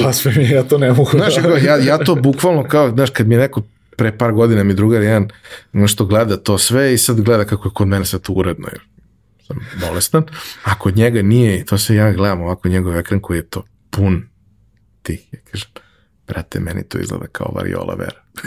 znači, I on koji, Pa stvarno si odvratan. Brate, nisam odvratan, skloni to, ono, kao pročitaj jednom u sto godina, pročitaj sve da ti bude uredno nešto u životu. Neko to napravio, bude lepo, vidi na što liči. Jeste, ona crvena tačkica kad stoji, kad stavim telefon u džep, kao da ima kamen u, u, u, džepu i u cipeli, jeste to. Ali dobro. Ove, ovaj, da, to su, to su ti neki momenti koji se dešavaju, koji, mislim, mnogo je gluposti mnogo je mailova koji su samo mislim, guljenje klasično vremena i sve, ali neki mailovi, neki susreti ti zaista promene život i onda kad ti se to desi jednom, svaki sledeći put paziš, a nadam se da će i ljudi koji slušaju da skapiraju da se to dešava i da se dešava ljudima koji čitaju mail. Jeste, to, to, to je suština. Ljudima koji bi... čitaju mailove, to se desi. Uh, jako mi je zanimljivo ovo što si sada uh, rekao, zato što mi se čini da je da nam je mail inbox jedan od posled, poslednjih tvrđava posvećenosti i čitanju sadržaja na miru. Jer sve ovo na telefonu, svi ti servisi, chat, to je sve jako, jako brzo, pročitaj, idi dalje, idi dalje. Mailovi su jedina stvar koja nam ostala se stvarno posvetimo nečemu, da iščitamo, analiziramo. Sve ove ostale stvari čini mi se da su, su prebrze. Imaju svoju funkciju, apsolutno, genijalne su, ali ako izgubimo ovaj staloženi uh, analitički pristup, mislim da može da bude poprilično, može da bude problem, jer, da. Jedna od stvari, mislim, ono, koju ja radim već 20 godina, krenuo sam slučajno, onda se ispostavilo da mi je to dosta dobro. I kao, ne znam, na raznim mestima gde imaš te neke varijante da te za neke stvari obavesti mailom, sam vrlo selektivan. Da, da. Znači, ja ne želim da dobijem sve notifikacije na mail. Ja sam tačno koje notifikacije želim da dobijem na mail. Ne znam, ono, na project management toolu, ako me neko pomene, to mi stiže na mail. Ne stiže mi na mail svaki komentar na svaki task i sve to, pa mislim, spalio bi se. da, da. Ali ako me pomene, ja ću to da vidim i u aplikaciji i u svemu, ali će mi istići na mail. Jer ako sam ga video u aplikaciji dok vozim, neću odgovoriti da. na to. Ili na ručku, ili na sastanku, ili na kolu. Ali ću posle da prođem kroz mail i da vidim to sve i da vidim šta se tamo desilo, što, što je bitno. I x drugih sličnih stvari. Kad nešto tražiš, pa ti je bitno, pa toga nema, pa na ono i ne znam, Stack Overflow i gde god, staviš da ti stigne notifikacija ako ima neki odgovor, jer znaš da to neće bude 500 odgovora. Pa da. ako se ispostavi da bude 500 odgovora, odjaviš se. Tako je. Odjaviš se, to se zove higijena. Jedan od, jedan od ovih fičera koji je meni promenio život, uh, uh, mislim da postoji on vjerojatno dugo, samo što sam ja promenio život kad sam ga uvideo, jesu te, uh, kako se to kaže, odgođene poruke. Mm. Kad mi stiže pa kažem, ej, ajde nek mi stigne sutra ili ili prekstra za Slack i, i, i mail, to mi je uh, bukvalno tome to me spašava. Ali mi je zanimljivo kako uh, neko je to tamo osmislio, neko je to isprogramirao i kako uh, tako neka ideja nečija, uh, pogotovo u servisima koji su široko korišćeni, stvarno može da promeni, ozbiljno može da promeni tok hiljade i hiljade stvari. Naprimer, ta snooze opcija je mene sigurno spasila od, od, od propuštanja puno, puno važni, važnih informacija. I to je, na primjer, nešto što i mi e, dok, dok radimo taj posao koji radimo uvek, a to je taj deo što si ti rekao za, za misiju, da znaš zašto nešto radiš. E, kada menjamo neki feature ili nešto dodajemo, uvek imamo tog krajnjeg korisnika e, u, u vidu. Ako, ako menjaš nešto kako će da se potpisuje neki dokument, ti moraš da znaš da ako tu nešto pogrešno uradiš, to može da bude jako sitan detalj, možda neki doktor neće moći da stavi potpis svoj i neko neće moći da primi neku terapiju. I kada se staviš u tu perspektivu, onda stvari dobijaju mnogo neku, da kažem, drugačiju, mnogo veću težinu. Ovaj, postaju izazovnije s jedne strane, ali sa druge strane e, e, postoji zanimljivije vidiš da ti svojim delanjem utičeš na, na bitne stvari. I to je možda isto neka suština u tome što si pa rekao. Pa imaš, kako da... imaš taj moment ljudi koji beže od odgovornosti i ljudi koji, da. koji žele da prigrle odgovornost jer onda osjećaju da imaju neku svrhu. Da. Naravno, to je uvek, mislim, samo je stvar u tome da ne možeš da nametneš to nekom. Ako on to ne želi, ako se on u tome ne osjeća komotno, jednostavno on ne treba da bude ta osoba, možda ima neku drugu upotrebnu vrednost yes. u timu, apsolutno, ali kao to ne može da bude osoba jer tu osobu će da uguši potpuno ta, ta, ta vrsta pritiska. To je jako bitno, Ivane, e, zato što mislim da tu uh, mislim da je bitno da i, i kolektivi, kompanije, firme koje traže ljude, jako je bitno da budu otvoreni po tom, po tom pitanju. E, da budu, e, ovo je ono što mi radimo, ovako mi radimo, ovo mi E, e, e, tražimo od naših zaposlenih. Ovo će naši zaposleni uspeti da nauči da nude i da, da, i, i da, da nauče i da, da iskuse. Ali jako bitno da to bude otvoreno, da mi znamo ko smo i da to prezentujemo ljudima koji će potencijalno doći kod nas. Mislim da je to jako bitno zato što je čest je slučaj da se uzimaju neke gotove stvari koje su trend u industriji i da se oni nude kao, e sad je super, na primjer da kažem da imamo fleksibilno radno vreme uzimamo to, stavljamo to u, u oglas za posao ili još sad te neke, da kažem, gotove stvari. Ako to kompanija stvarno ne razume zašto je to i šta je to, bolje ne nuditi, jer onda se stvara ta zablo, dovode se ljudi, baš to što si rekao, koji e, nemaju u takvu kolektivnu neku upotrebnu vrednost, ne osjećaju se ispunjeno i onda na kraju se desi to da brzo odu, nezadovoljni su i, i, i, i tako dalje. Tako da Mislim da je jako bitno i kada se, kada se traži uh, i kada se širi kolektiv da se samo bude iskren prema sebi i otvoren ka, ka, ka drugima šta je to što, što smo mi. Sad kaži mi, znači pomenuo si kako je došlo uopšte do, do, do susreta i zvuči kao nešto što može da se desi svakom. Da. Ko čita mailove, ko čita mailove, ali deluje kao da može da se desi svakom. Šta se dešava od tog trenutka pa nadalje? Uh, sad, da, to što kažeš, kad pročitaš mail, ajde da vidimo ko je ta osoba i tu je ona, da kažem, prvi, prvo neko uh, upoznavanje, prvi, prvi razgovor. I moja prva impresija, prvo što me odmah me zainteresovala ta problematika koja pokušava da se reši. Malo sam istražio o tome, nisam do tada znao šta je to. Ovaj, I vidio sam da je to, da je to jedan jako, jako uh, ozbiljan i bitan problem za rešiti. To je bila, da kažem, onako prva jedna stepenica. Druga stepenica mi je bila kad sam uh, upoznao Andresa i kad sam u njemu uh, video i prepoznao neki uh, uh, moje viđenje kako stvari, kako kompanija treba da, da izgleda. Uh, isto ono što smo spomenuli na, na, na, na koleđu, kako kad si mladi znaš otprilike kako stvari treba, šta je to što želiš i kada ih, uh, uh, kada ih vidiš, iako ih možda još nisi razvio, ali želiš da ideš u tom smeru. Tako isto, nakon mog razgovora sa Andresom, vidio sam da on neguje neke vrednosti koje, uh, koji su se poklapale sa, sa mojim viđenjem stvari kako treba organizovati jedan kolektiv koji treba da radi na tako, na tako jednoj bitnoj, bitnoj stvari. I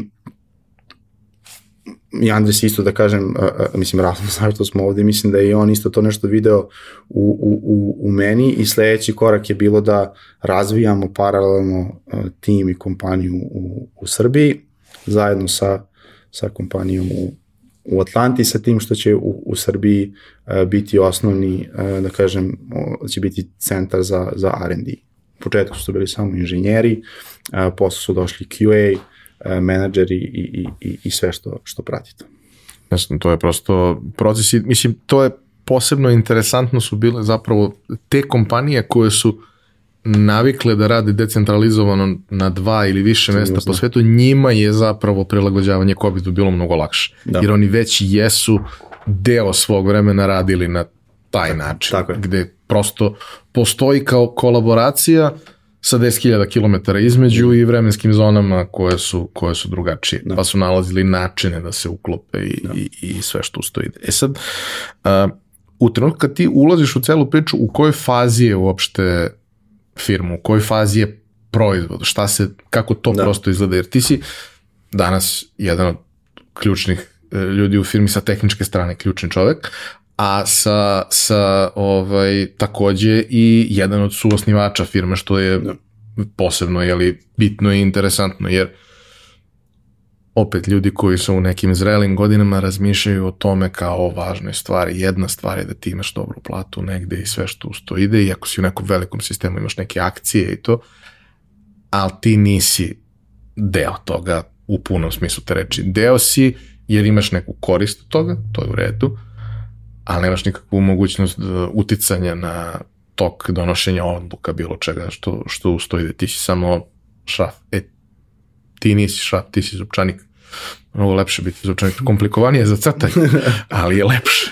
Ovaj, I e, sam početak je bio prilično skroman i mali i sve. Vi ste među vremenu jako ozbiljno porasli, ozbiljne stvari uradili i prošli neki put koji nije baš ono, kao da, da pitaš nekog da ti podeli svoje iskustvo sa tim, nemaš koga da pitaš, ima da. Par ljudi u, u ovom regionu koji su prošli nešto slično. Te zato pitam prosto koji je bio tad trenutak i kako, kako su prosto tekle neke ključne faze razvoja same da. firme. COVID to jeste ubrzo jer jeste. Da. je prosto bila takva situacija da je u tom trenutku takav proizvod neophodan, ali i pre toga je on bio potreban i pre toga je to bilo nešto što je bilo potrebno kompleksna stvar koju je potrebno razviti sa svim ostalim procesima jer kao ti se tu baviš s jedne strane razvijanjem softvera, to je lepo, onaj drugi deo je da taj softver treba da ti da output koji je u skladu sa nečim što je užasno komplikovano, birokratizovano i sve što ustoji. Da. Pa u trenutku kada sam ja uh, stupio u kontakt sa sa Andresom u Americi je bilo uh, njih, njih petoro, od kojih su sada ostali uh, samo Andres i Ryan, koji su osnivači uh, tamo u, u, u Americi i ceo, da kažem, i, i biznis i, i ovaj, da kažem, tehnički deo je bio jednom onako baš pionirskom uh, uh, stanju. Sa tehničke strane mi smo imali jednu malenu aplikaciju koja imala jednu bazu, imala API i to je to. Uh, ono što smo, što smo videli jeste da ono što nas čeka ispred nas jeste da, da ćemo morati da, da, da menjamo jednu industriju kliničkih istraživanja koja je vrlo inertna. Ti sistemi su jako, jako teško promenljivi to je, to je nešto što je jako je teško ući i naterati ljudi da, ljude da nešto promene na način koji, na primjer, rade 10, 15, 20, 20 godina. Imali kao, smo... kao knjigovođe u Srbiji, kad ti kažemo, mi to radimo tako već 30 godina. 30 godina, da. Ovaj, uh, imali smo izazov, imali smo veliki izazov sa te, sa te strane i drugi, ovaj izazov, razvoj samog proizvoda je manje više kao i u, kao i u svakom startupu, uh, znali smo da će tu biti uh, uh, uh, nasumičnih velikih stvari koje moramo brzo da, da rešimo. Idemo, razvijamo, imamo neki svoj tempo, međutim sad odjednom imamo neku priliku koju moramo da iskoristimo i sa, stana, i sa strane e, biznisa kako ćemo to da postavimo da bismo ušli u neki sistem i sa tehničke strane moramo sad da uradimo nešto jako, jako zahtevno i jako teško. I u takvom, znajući šta nas čeka e, u, u tom smislu, uh, ona stvar u kojoj stvarno možemo da imamo kontrolu, to jesu ljudi koje dovodimo u, u, u firmu. I to je po meni osnova svega. Znači, može postoji biznis ideja, može postoji neki tehnička vizija kako će to sve da izgleda, ali ako ljudi koji dolaze u firmu nemaju uh, uh, mindset koji može da izdrži jedan način uh, uh, rada, ništa drugo nije, ništa drugo nije bitno. I to je nešto čemu, nešto čemu uh, smo se mi jako, jako posvetili, to je nešto što, ovaj deo što sam rekao sa pričajući sa Andresom, nešto sam video da on, da on razume, što je jako redko iz mog, iz mog iskustva. Ljudi obično vide kao dajte, daj još inženjera, daj da se to, da to ide brže, da bismo mogli da uradimo, daj 20 inženjera, imamo 10, daj još 10, uradit ćemo duplo više. To ne ide tako. To nije linearno. To nije linearno, tako je. Ovaj, I i a, jako nam je bilo da prvo sednemo i sami sa sobom odlučimo i da se dogovorimo i da uspostavimo kakva je to firma i kompanija koju želimo da, da, da napravimo. Kad, kad smo imali taj, da kažem, core, osnovni princip šta želimo, kak, kako želimo to da postignemo, onda je, da kažem, bilo lakše u smislu, znali smo ko, koga želimo da dovedemo, koji su ljudi koji nama a, a, odgovaraju. A, lakše kažem pod navodnicima zato što je jako teško naći uh, uh, ljude generalno u, u, u, našem, u našoj industriji, ali nikada nismo, uh, da kažem, ili spustali kriterijum ili ajde daj samo da, da zaposlimo već tri meseca ne možemo da nađemo nikoga, to nismo, samo smo bili tu i dan danas smo vrlo, vrlo striktni po tomu, odolili smo tim uh, odolili smo tim izazovima. Uh, ono što te prepreke, što sam neko, te nasumične stvari koje su nama dolazili, koje smo morali da, da rešimo. Imali smo ih e, e, sigurno 4-5 takvih stvari, kada je bilo, e, imamo sada priliku da, da, da, da e, ako uspemo da napravimo x, y i z, uspećemo da uđemo, na primjer, na 5000 sajtova, ali da bismo to uspeli moramo da rešimo neke tehničke probleme koji su jako teški. A, a, I to kada predočite a, a, a, ljudima koji to dočekaju sa, sa radošću, to, sad ćemo da uradimo nešto što izgleda jako, jako teško, nešto znači sad ćemo biti ponosno i kad se sa takvim, e, e, sa takvim e, stanjem uma uđe u to, tu je, da kažem, uspeh mnogo bliži nego kada to se vidi i percepira kao ja, evo ga još jedan ad hoc bitan projekat sad ćemo možda da, ovaj, sad ćemo možda morati da radimo stvari koje nismo, ja treba da radimo, ne znam, C Sharp, ja znam JavaScript, neću da radim to, idem da radim nešto drugo, da, da ću da radim šta, šta znam, da ne izlazim iz tog neko, da ulazim u taj neki, uh, neku, uh, nepozna, neki nepoznat teren. I to je ono što nas je, da kažem, iznelo tu gde smo sada. Ispomenuo si COVID, mislim da je isto jako, jako bitna stvar. Uh, COVID kao takav je nama um, nama pomogao u smislu da, da ljudi shvate koliko je bitno da se ne bude fizički zavisan u konkretnom kliničkim istraživanjima, da osoba A mora da ode na sajt C da bi nešto proverila. U COVID-u je to postalo nemoguće. Jednostavno ne, avioni nisu leteli, taj sajt C je možda zatvora, ne može niko ni da uđe na njega. Ovaj, i, I COVID je nama u tom smislu pomogao u podizanju svesti koliko je bitan taj, koliko je bitno naše rešenje da to može da se radi na, da se radi na, na, na daljinu.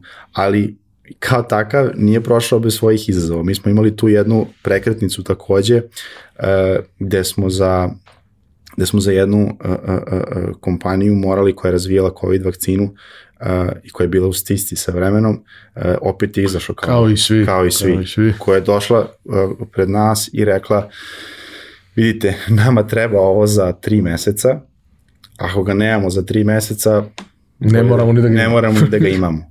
Ako ga imamo za tri meseca, mi možemo da, da postignemo da pošaljemo vakcinu na autorizaciju u novembru. To je to.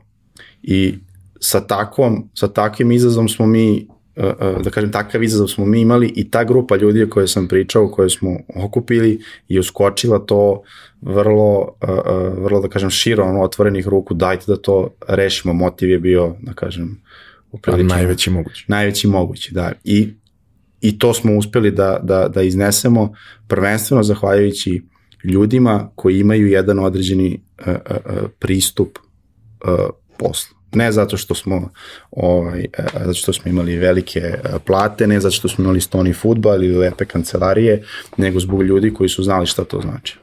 Um, jedna od stvari koja se dešava kao posledica da kažemo, ovog procesa digitalizacije svega toga, jeste da se stvari dešavaju brže. Znači, to jeste jedna od stvari. Nije jedini razlog što je ne znam, vakcina za COVID napravljena za manje vremena, ne, nego da. Prvi razlog je što je to tip virusa kakvi postoje Tako ovaj, već duže i da. samo je u pitanju variacije. Znači, koliko god ono, stvar bila komplikovana i mutirala i sve ostalo, nije to ništa što je potpuno nepoznato, samo je malo drugačije i ti imaš manje više know-how i iskustvo i sve ostalo, ali deo nekih stvari koji je taj ono pešački field work koji mora da se uradi, sada kroz ovo prolazi mnogo brže i efikasnije nego što je to bio slučaj ranije, jer bukvalno ono, i, i u jednom periodu ne tako davno su to zapravo fizički papiri koji idu sa mesta na mesto i kao, znaš, mislim, Da, ne, ne može jednostavno... To je užas. Tako, efikasnost ne može da se, ne može da se meri. Uh, ima jedna zanimljiva paralela koju ja nekad volim da napravim i, i ti si se dotakao toga da je uh, uh, korona kao takva i taj tip virusa nije nešto što je novo, to je poznat, poznato je to medicini, ali uh, taj fen, fenomen da uh, nauka, medicina, uh, uh, astronomija, fizika, uh, ona radi, ljudi, postoje ljudi koji evo i sad sede u nekim laboratorijima, pišu neke radove, oni radi bez, bez obzira što ih ne vidimo na, na, na naslovnicama uh, novina, nisu na vestima, oni ljudi rade i, i, i uče neke stvari, doprinose na neki način, da kažem, uh, ističu neko znanje koje lako leti ispod radara. COVID je pao na, na sve nas i međutim nauka i medicina nije bila iznenađena. Oni su radili svoj domaći pre toga i oni su bili spremni da odgovore na to na način na koji su odgovorili time što smo uspeli, bili u mogućnosti da imamo vakcinu u takvom kratkom e, periodu. Volim da napravim paralelu sa tim i sa ovim što, smo, što mi radimo. Jeste, pre korone mi smo morali da ubeđujemo ljude Ovo je bitno, zato što će to, e, nećete morati da kupujete kartu u monitorima, to su ljudi koji proveravaju, na sajtove, e, da, da, da proveravaju svoju dokumentaciju, ne morate da ih držite u fizičkim papirima. To je bilo jedan razgovor, je onako bio malo uh, mukotrpan, isto ko što su naučnici morali da, da vuku svoje vlade za ruku, dajte nam para, bitno nam je. Na isti način kao što je medicina bila spremna za COVID, tako smo i mi bili spremni na, na COVID kada je udario, kad se jedan sve zaključalo, mi smo, da kažem, verovali u svoju ideju koja je sada postala jasno i očigledno upotrebljiva. Nije bilo više dileme da li to treba ili ne. Ovaj, I to je jedna paralela koju stvarno baš, baš volim da, da, da napravim. Mislim da je uh, mislim da, da smo mi bili spremni za taj, uh, za taj izazov. E, nedavno je izašla informacija vezana za novu rundu finansiranja koju ste dobili. Um, u pitanju je velika runda. I naravno da smo svi negde bili srećni i ponosni i sve što uz to ide. Ali ono što, što bih voleo je da nam e, zapravo opišeš kako izgleda taj proces, jer kod nas obično su priče takve da većina dobija jednu, dve runde, nakon toga se uglavnom taj biznis prodaje i ljudi to gledaju kao priliku da izvuku neki veći novac i sve ostalo. Vi pravite nešto što je mnogo kompleksnije od toga i nije nešto što će da se u ranoj fazi proda nekome i da, da, da, da završi svoju priču. I onda se potpuno drugačije taj biznis vodi, potpuno drugačije se traže investitori, na potpuno drugačiji način se radi sa svima njima. Ti jesi čovek iz tehnike, ali si isto tako i neko ko je uključen u te stvari jer treba da bude jer si jedan od suosnivača. Pa prosto kako je to sve izgledalo? Vrlo je jasno da je proizvod, proizvod i firma, da su sada izuzetno atraktivni svakom. I što kaže nas narod da vas gađaju parom. Ali to ne znači da svaku stvar treba uzeti po svaku cenu i prihvatiti i tako dalje. Prosto kako je to izgledalo i na početku, kako izgleda sad u ovoj nekoj zreloj fazi kada, kada je biznis već, da kažemo, stabilan, iako i dalje raste i razvija se. Da. A, pa to je, mislim da je zanimljivo, zanimljivo i vreme za, za takvo, a, takvo pitanje. A, mislim da je tajming dobar, bolji nego kada se ta runda desila tamo, kada je bio januar ili, ili a, februar, u smislu da a, Mi smo taj, spomenuo sam sajtove na početku, uh, uh, mesta na kojima se vrše kliničke istraživanja. Mi smo to, da kažemo, tržište uh, uh, uh, site biznisa, kako ga mi zovemo, to je nešto što smo mi uh, dedominiramo. Sajtovi nas obožavaju ovaj, i, i tu, da kažem, smo odali neku pobedu u odnosu na neke druge, ne, neke druge konkurente. Uh, I način na koji se vrše istraživanje na tim sajtovima smo promenili ubrzali smo. Međutim, klinička istraživanja kao takva se sastoji samo s toga. To je jedan čitav lanac stvari koje mora da se desi da bi, e, da bi zaista e, neko istraživanje doveli od nule do, do, do cilja.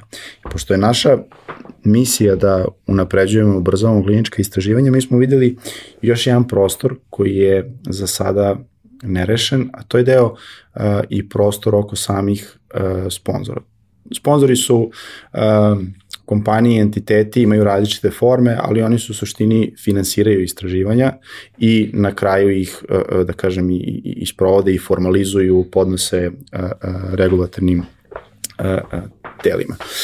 Videli smo jedno mesto za, za ubrzavanje i, i unapređenje kako sponzori organizuju svoja istraživanja. To je nešto, to je jedno tržište koje smo mi tek zagrebali pre nekih pola godine i e, nakon analize smo videli da ako hoćemo da i taj problem rešimo, koji je malo kompleksniji, ne bi sad ulazio u njega, ali koji, ako hoćemo i taj problem da rešimo, moramo brže da rastemo, moramo da, da proširimo svoju, da kažem, svoje kapacitete i, i moramo brzo da promenimo svoju uh, platformu i to je jedan trenutak kad smo mi krenuli da razmišljamo o nekoj novoj rundi uh, finansiranja. Iako nama u ovom trenutku, da kažem, sa neke finansijske strane ona nije bila preko potrebna. Mi nismo, nismo radili uh, uh, finansiranje da bismo preživeli, nego da bismo ubrzali, uh, da bismo ubrzali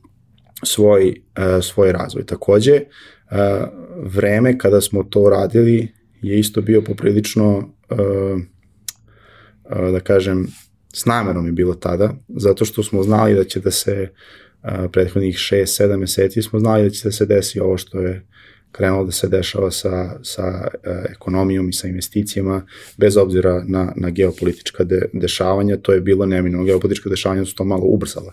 I, I znali smo da ako hoćemo stvarno da, da povećamo svoje kapacitete, da je sad vreme da, da, da idemo u, u, u, takvu, u takvu rundu. Uh, ono što, na što sam ja jako, jako ponosan jeste da naša uh, uh, runda je jako realna, to nisu neke uh, astronomske uh, procene koje su se u našoj industriji jako, jako dešavalo u posljednjih godinu dana, uh, nego je tačno tu gde, gde, gde, gde i jesmo. I, I uvek smo i sa nekim ranijim investicijama smo uvek bili uh, sa obe noge na zemlji, nismo nikada uh, dali da nas potencijalno neko, da kažem, da nam laska sa nekim većim procenama kad smo znali da to nije realno. Jer smo znali takođe da kasnije to može da bude da bude problem, što vidimo da jako puno e, kompanija u, u svetu koje su imali e, enormne runde prethodnih godina sada otpuštaju ljude, zato što su te procene koje su imali jednostavno nisu bile realne. Tako da je, e, da, da je ovo, da kažem, bilo isplanirano i s namerom, nije došlo, da kažem, slučajno da smo mi podigli, smo završili rundu i da je vrlo brzo posle toga su kola IT industrije u svetu krenula da idu nizbrdo. Ono za što ćemo da, da iskoristimo to jeste širenje tima i širenje naših uh, uh, kapaciteta u smislu uh, moramo da budemo još veći da bismo mogli da promenimo uh, kliničke istraživanja na način na koji, način na koji želimo i to nam je bio glavni, glavni motiv. Imamo još puno, imamo još jako, jako puno ispred sebe, imamo još puno, puno problema da, da rešimo da bismo, uh, što si ti rekao, da bismo sada ustali i napustili taj napustili taj... Rešili smo sve. Sad, sad možemo, sad smo rešili sve, ali to je proces. da, to je, to je proces. A, da. Kaži mi, e, na koliko ljudi je sada firma? A, trenutno e, u Beogradu trenutno imamo 70, preko 70 ljudi, u Atlanti imamo e, preko 140, tako da smo ukupno preko, preko 200 ljudi. A, da, i to je, ja sam sa Andresom pričao u 2016. godini, tako da je to za eto šest, za šest godina smo dosta, dosta porasli. Sad, tako, pogotovo u našoj industriji, rast je relativno, nekome je to malo, nekome je to puno, ali mi mislimo da je to ono što je bilo zdravo za nas. I e sad, uh, volao bih samo da, da malo pojasniš ko su ti zaposleni u smislu koja je struktura. U startu si rekao da, da. naravno, u startu je bio cilj da se ovde formira razvojni tim, da. ovaj, i to je podrazumevalo da to primarno budu negde inženjeri, jel? Da softverski inženjeri, a uh, kakva je sad struktura tima i šta su, koje su neke okvirne te pozicije koje tražite u narednom periodu? No. Uh, pa ovde se u, u Beogradu se nalazi srce R&D uh, departmana, što znači da imamo, zapošljavamo inženjere, softverske inženjere, zapošljavamo uh, QA testere, zapošljavamo QA automation inženjere, Scrum mastere, product ownere, UX uh, eksperte, uh, imamo sada i project menadžere, uh, i imamo naravno naš HR, uh, naš HR departman i, i to je, da kažem, neka struktura koju mi, ljudi koji za sada uh, tražimo i u aktivnoj smo, aktivnoj smo potrazi. A uh, kakva je struktura u Americi? U Americi imamo uh, jedan manji deo, da kažem, R&D tima, imamo uh, inženjere i produkt, uh, product owner i Scrum mastere uh, i ostatak da kažem, firme u Americi je okrenut više tom, ajde tako da me nazovem biznis delu. To su uh, sales, marketing, account, customer support, legal. Uh, compliance, legal uh, i, i, i druge, da kažem, prateće prateće, uh, prateće timovi departmana. Da, imali smo par ovaj, nekih priča gde kao ljudi koji imaju uspešne IT kompanije, ali product IT kompanije, kao mi imamo, ne znam, legal koji broji odred, ne znam, neki broj ljudi, 7, 8, 10 ljudi šta ćemo, pa kao posao koji mi radimo da. je takav da ti moraš da imaš interno neke resurse što se toga tiče. Naravno, možeš uvijek da napraviš neki dogovor da outsourcuješ što da. nekoj advokatskoj kancelariji nešto slično, ali u nekom trenutku ti treba dedicated osoba. Apsolutno. Posebno ako je to specifična situacija gde ti radiš na različitim tržištima koji imaju potpuno različitu legislativu za neke stvari. Ona je slična, uglavnom ali je dovoljno specifičan da neko mora da sedne, da istraži i da, da se posveti tome.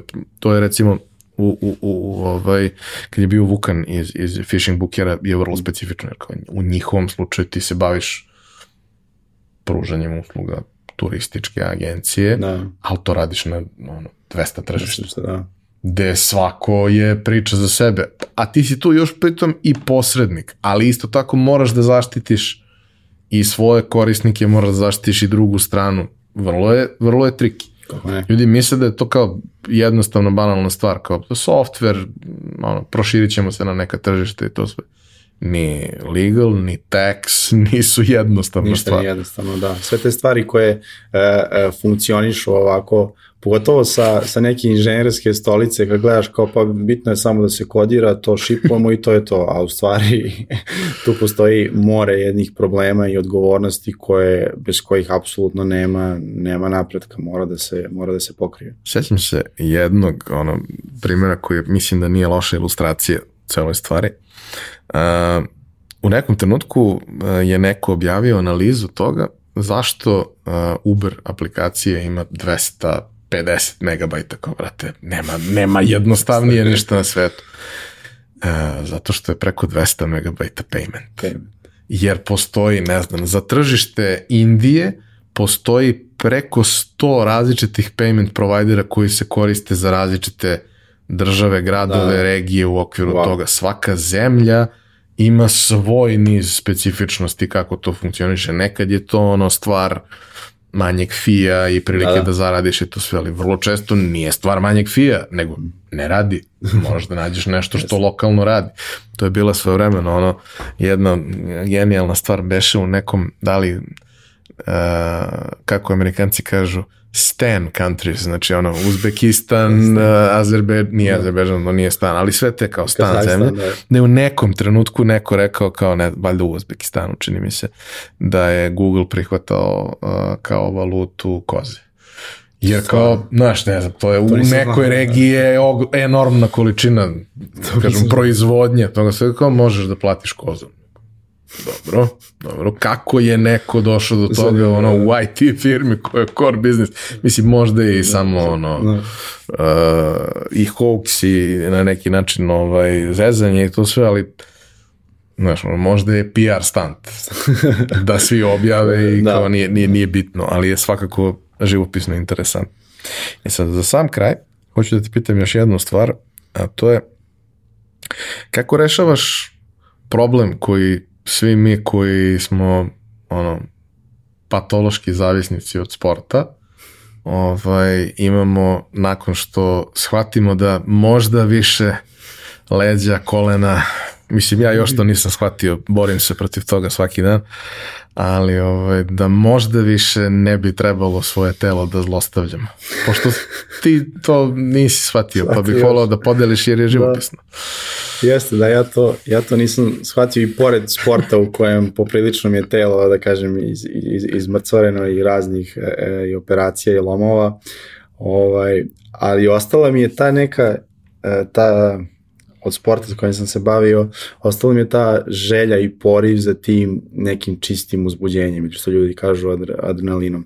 A, meni se to a, poklopilo sa time da sam baš, a, sam jako voleo motore i kad sam bio manji. I nakon što sam napustio futbol, vrlo brzo sam uh, uh, shvatio i video priliku, vozio sam motor ovako kako se kaže po ulici stalno, ali sam video neku priliku da se malo uh, uh, bavim sa time i na stazi, pa sam učestvovao i na nekim uh, trkama ovde u, u, u Srbiji i, i u inostranstvu.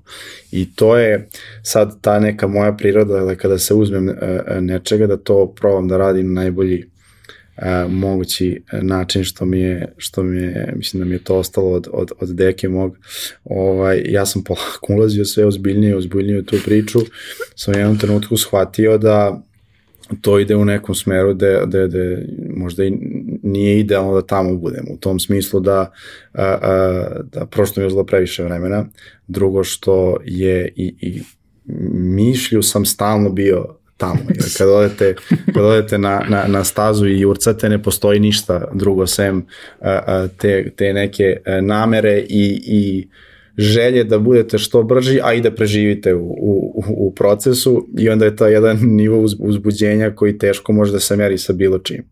Ovaj, kada se sve to završi, onda se osjećate malo i u downu, kao šta sad treba... Pa, istrošeno. Istrošeno, da. I onda sam, uh, uh, što je par uh, uh, kolega u, u tih nekih par sezona imalo neke nezgodne, nezgodne uh, padove uh, i među vremenom sam postao uh, otac prvi, drugi treći put, imam uh, tri čerkice na što sam jako, jako ponosan i to su to je bila jedna načina koja je bilo prilično lako rešiti da toga mora da se, da se, to mora da se napun, napusti. Pokušao sam neka, da kažem, da to spasim kroz, kroz karting, pa sam jednu sezonu i karting vozio, međutim vidio sam da to nije, nije to to, a opet mi uzima, uzima puno vremena. Tako da sam se sada zadovoljio sa vožnjom motora, vozim sad motor da kažem van, van puta, ovaj, to mi je nešto što ovako baš uživam u nekoj toj takozvanoj off, off-road vožnji, a ovo sve propratno, obožavam snowboard i skijanje, a, a, jako, jako volim da, da ronim, ribolov obožavam podvodni, to mi je isto, samo što eto, ne živim na moru, idem probam u Dunavu, mada mislim da neću dobro proći. Ovaj, tako da, a, da, to je, to je, mislim da to je jedan deo a, mene koji je jako, jako bitan da ostane aktivan i pored toga što ti kažeš da so telo će početi da šalje signale, verovatno, ovaj, uskoro, ali neka moja strategija je da to ne da ignorišem, ali da promenim tako da eto barem ispoštujem telo, ali da ispoštujem i taj poriv za, za, za tim koji mislim da je bitan jako. Ako, to, ako od toga ovaj, odustane čovek, onda mislim da se gasi jedan deo čoveka koji je bitan. Da moraš da nađeš načine da kroz vreme menjaš dakle, načine manifestacije dakle, kako će to da se dešava, da. ali da i dalje negde hraniš to, to sve. To postoji, jest. Da, ja sam imao skoro taj moment, pošto imam neku ono, hroničnu upalu tetive na, na, na laktu koji naravno forsiram jer kako drugačije i pitam ja prijatelja koji se bavi saniranjem mojih sportskih povreda šta misliš da moje telo i lakat hoće da mi kažu? I on koji me gleda ovako kaže, pa hoće ti kažu da odjebeš. da je možda vreme da možda da, vreme, kao, da, da možda prestaneš. Rasko, hvala ti. Verujem da, da, da će ovo iskustvo biti uh, vrlo vredno svima. Ako ništa drugo ne nauče, naučit će treba čitaju mailove. Mailove, tako je, to je što highlight sigurno. Makar ono, mlađoj generaciji će može jako dobro da dođe, oni ljudi baš ne vole da pročitaju mail. Mi stari i nekako nama je to znaš, dovoljno polako da, da, je, da, je, da je interesantno. Hvala ti, e, hvala, mnogo sam srećan što ovakva priča postoji između ostalog zato što jedan od mojih bliskih prijatelja radi kod vas i on je poseban, komplikovan i dosta je teško kroz karijeru nalazio mesta na kojima se osjeća kao da negde pripada i da to što radi ima smisla, njemu je to važno. Nije, jeste mlađi od mene dosta, ali nije jedan od onih koji samo rade za novac i ništa nije važno. Ne, im, mora da ima tu neku potrebu i znam koliko je zapravo srećan i zadovoljan, iako, naravno, ima mnogo situacije u kojima postoji i neka količina stresa i neka količina da. nekih specifičnih okolnosti i tako dalje, Znaš, kada smo pričali o, o, o tome kako, kako se osjeća nakon nekih godinu dana u firmi i tako dalje, znaš, prva stvar koju je rekao ljudi su sjajni. A to mnogo redko čuješ. I proizvod je dobar i osjećaš da ima sve to smislo što radiš, ali taj moment da se ti kao čudak negde osjećaš prijatno, to je nešto što se čudacima jako redko dešava. hvala ti ona na lepim rečima i, i hvala ti, bilo mi je zadovoljstvo i pre svega čast. Hvala vama što ste nas slušali i gledali e, i kao do sad sve eventualne komentare ostavite na, na za to predviđeno mesto na YouTube-u. Raska možete naći na LinkedInu i, i koje kude. Ovaj, ako imate neko pitanje direktno za njega, ako imate nešto što je više ovako javno, za to naravno služi YouTube. Hvala vam, to bi bilo to za, za ovu nedelju, a mi se vidimo ponovo naredne nedelje.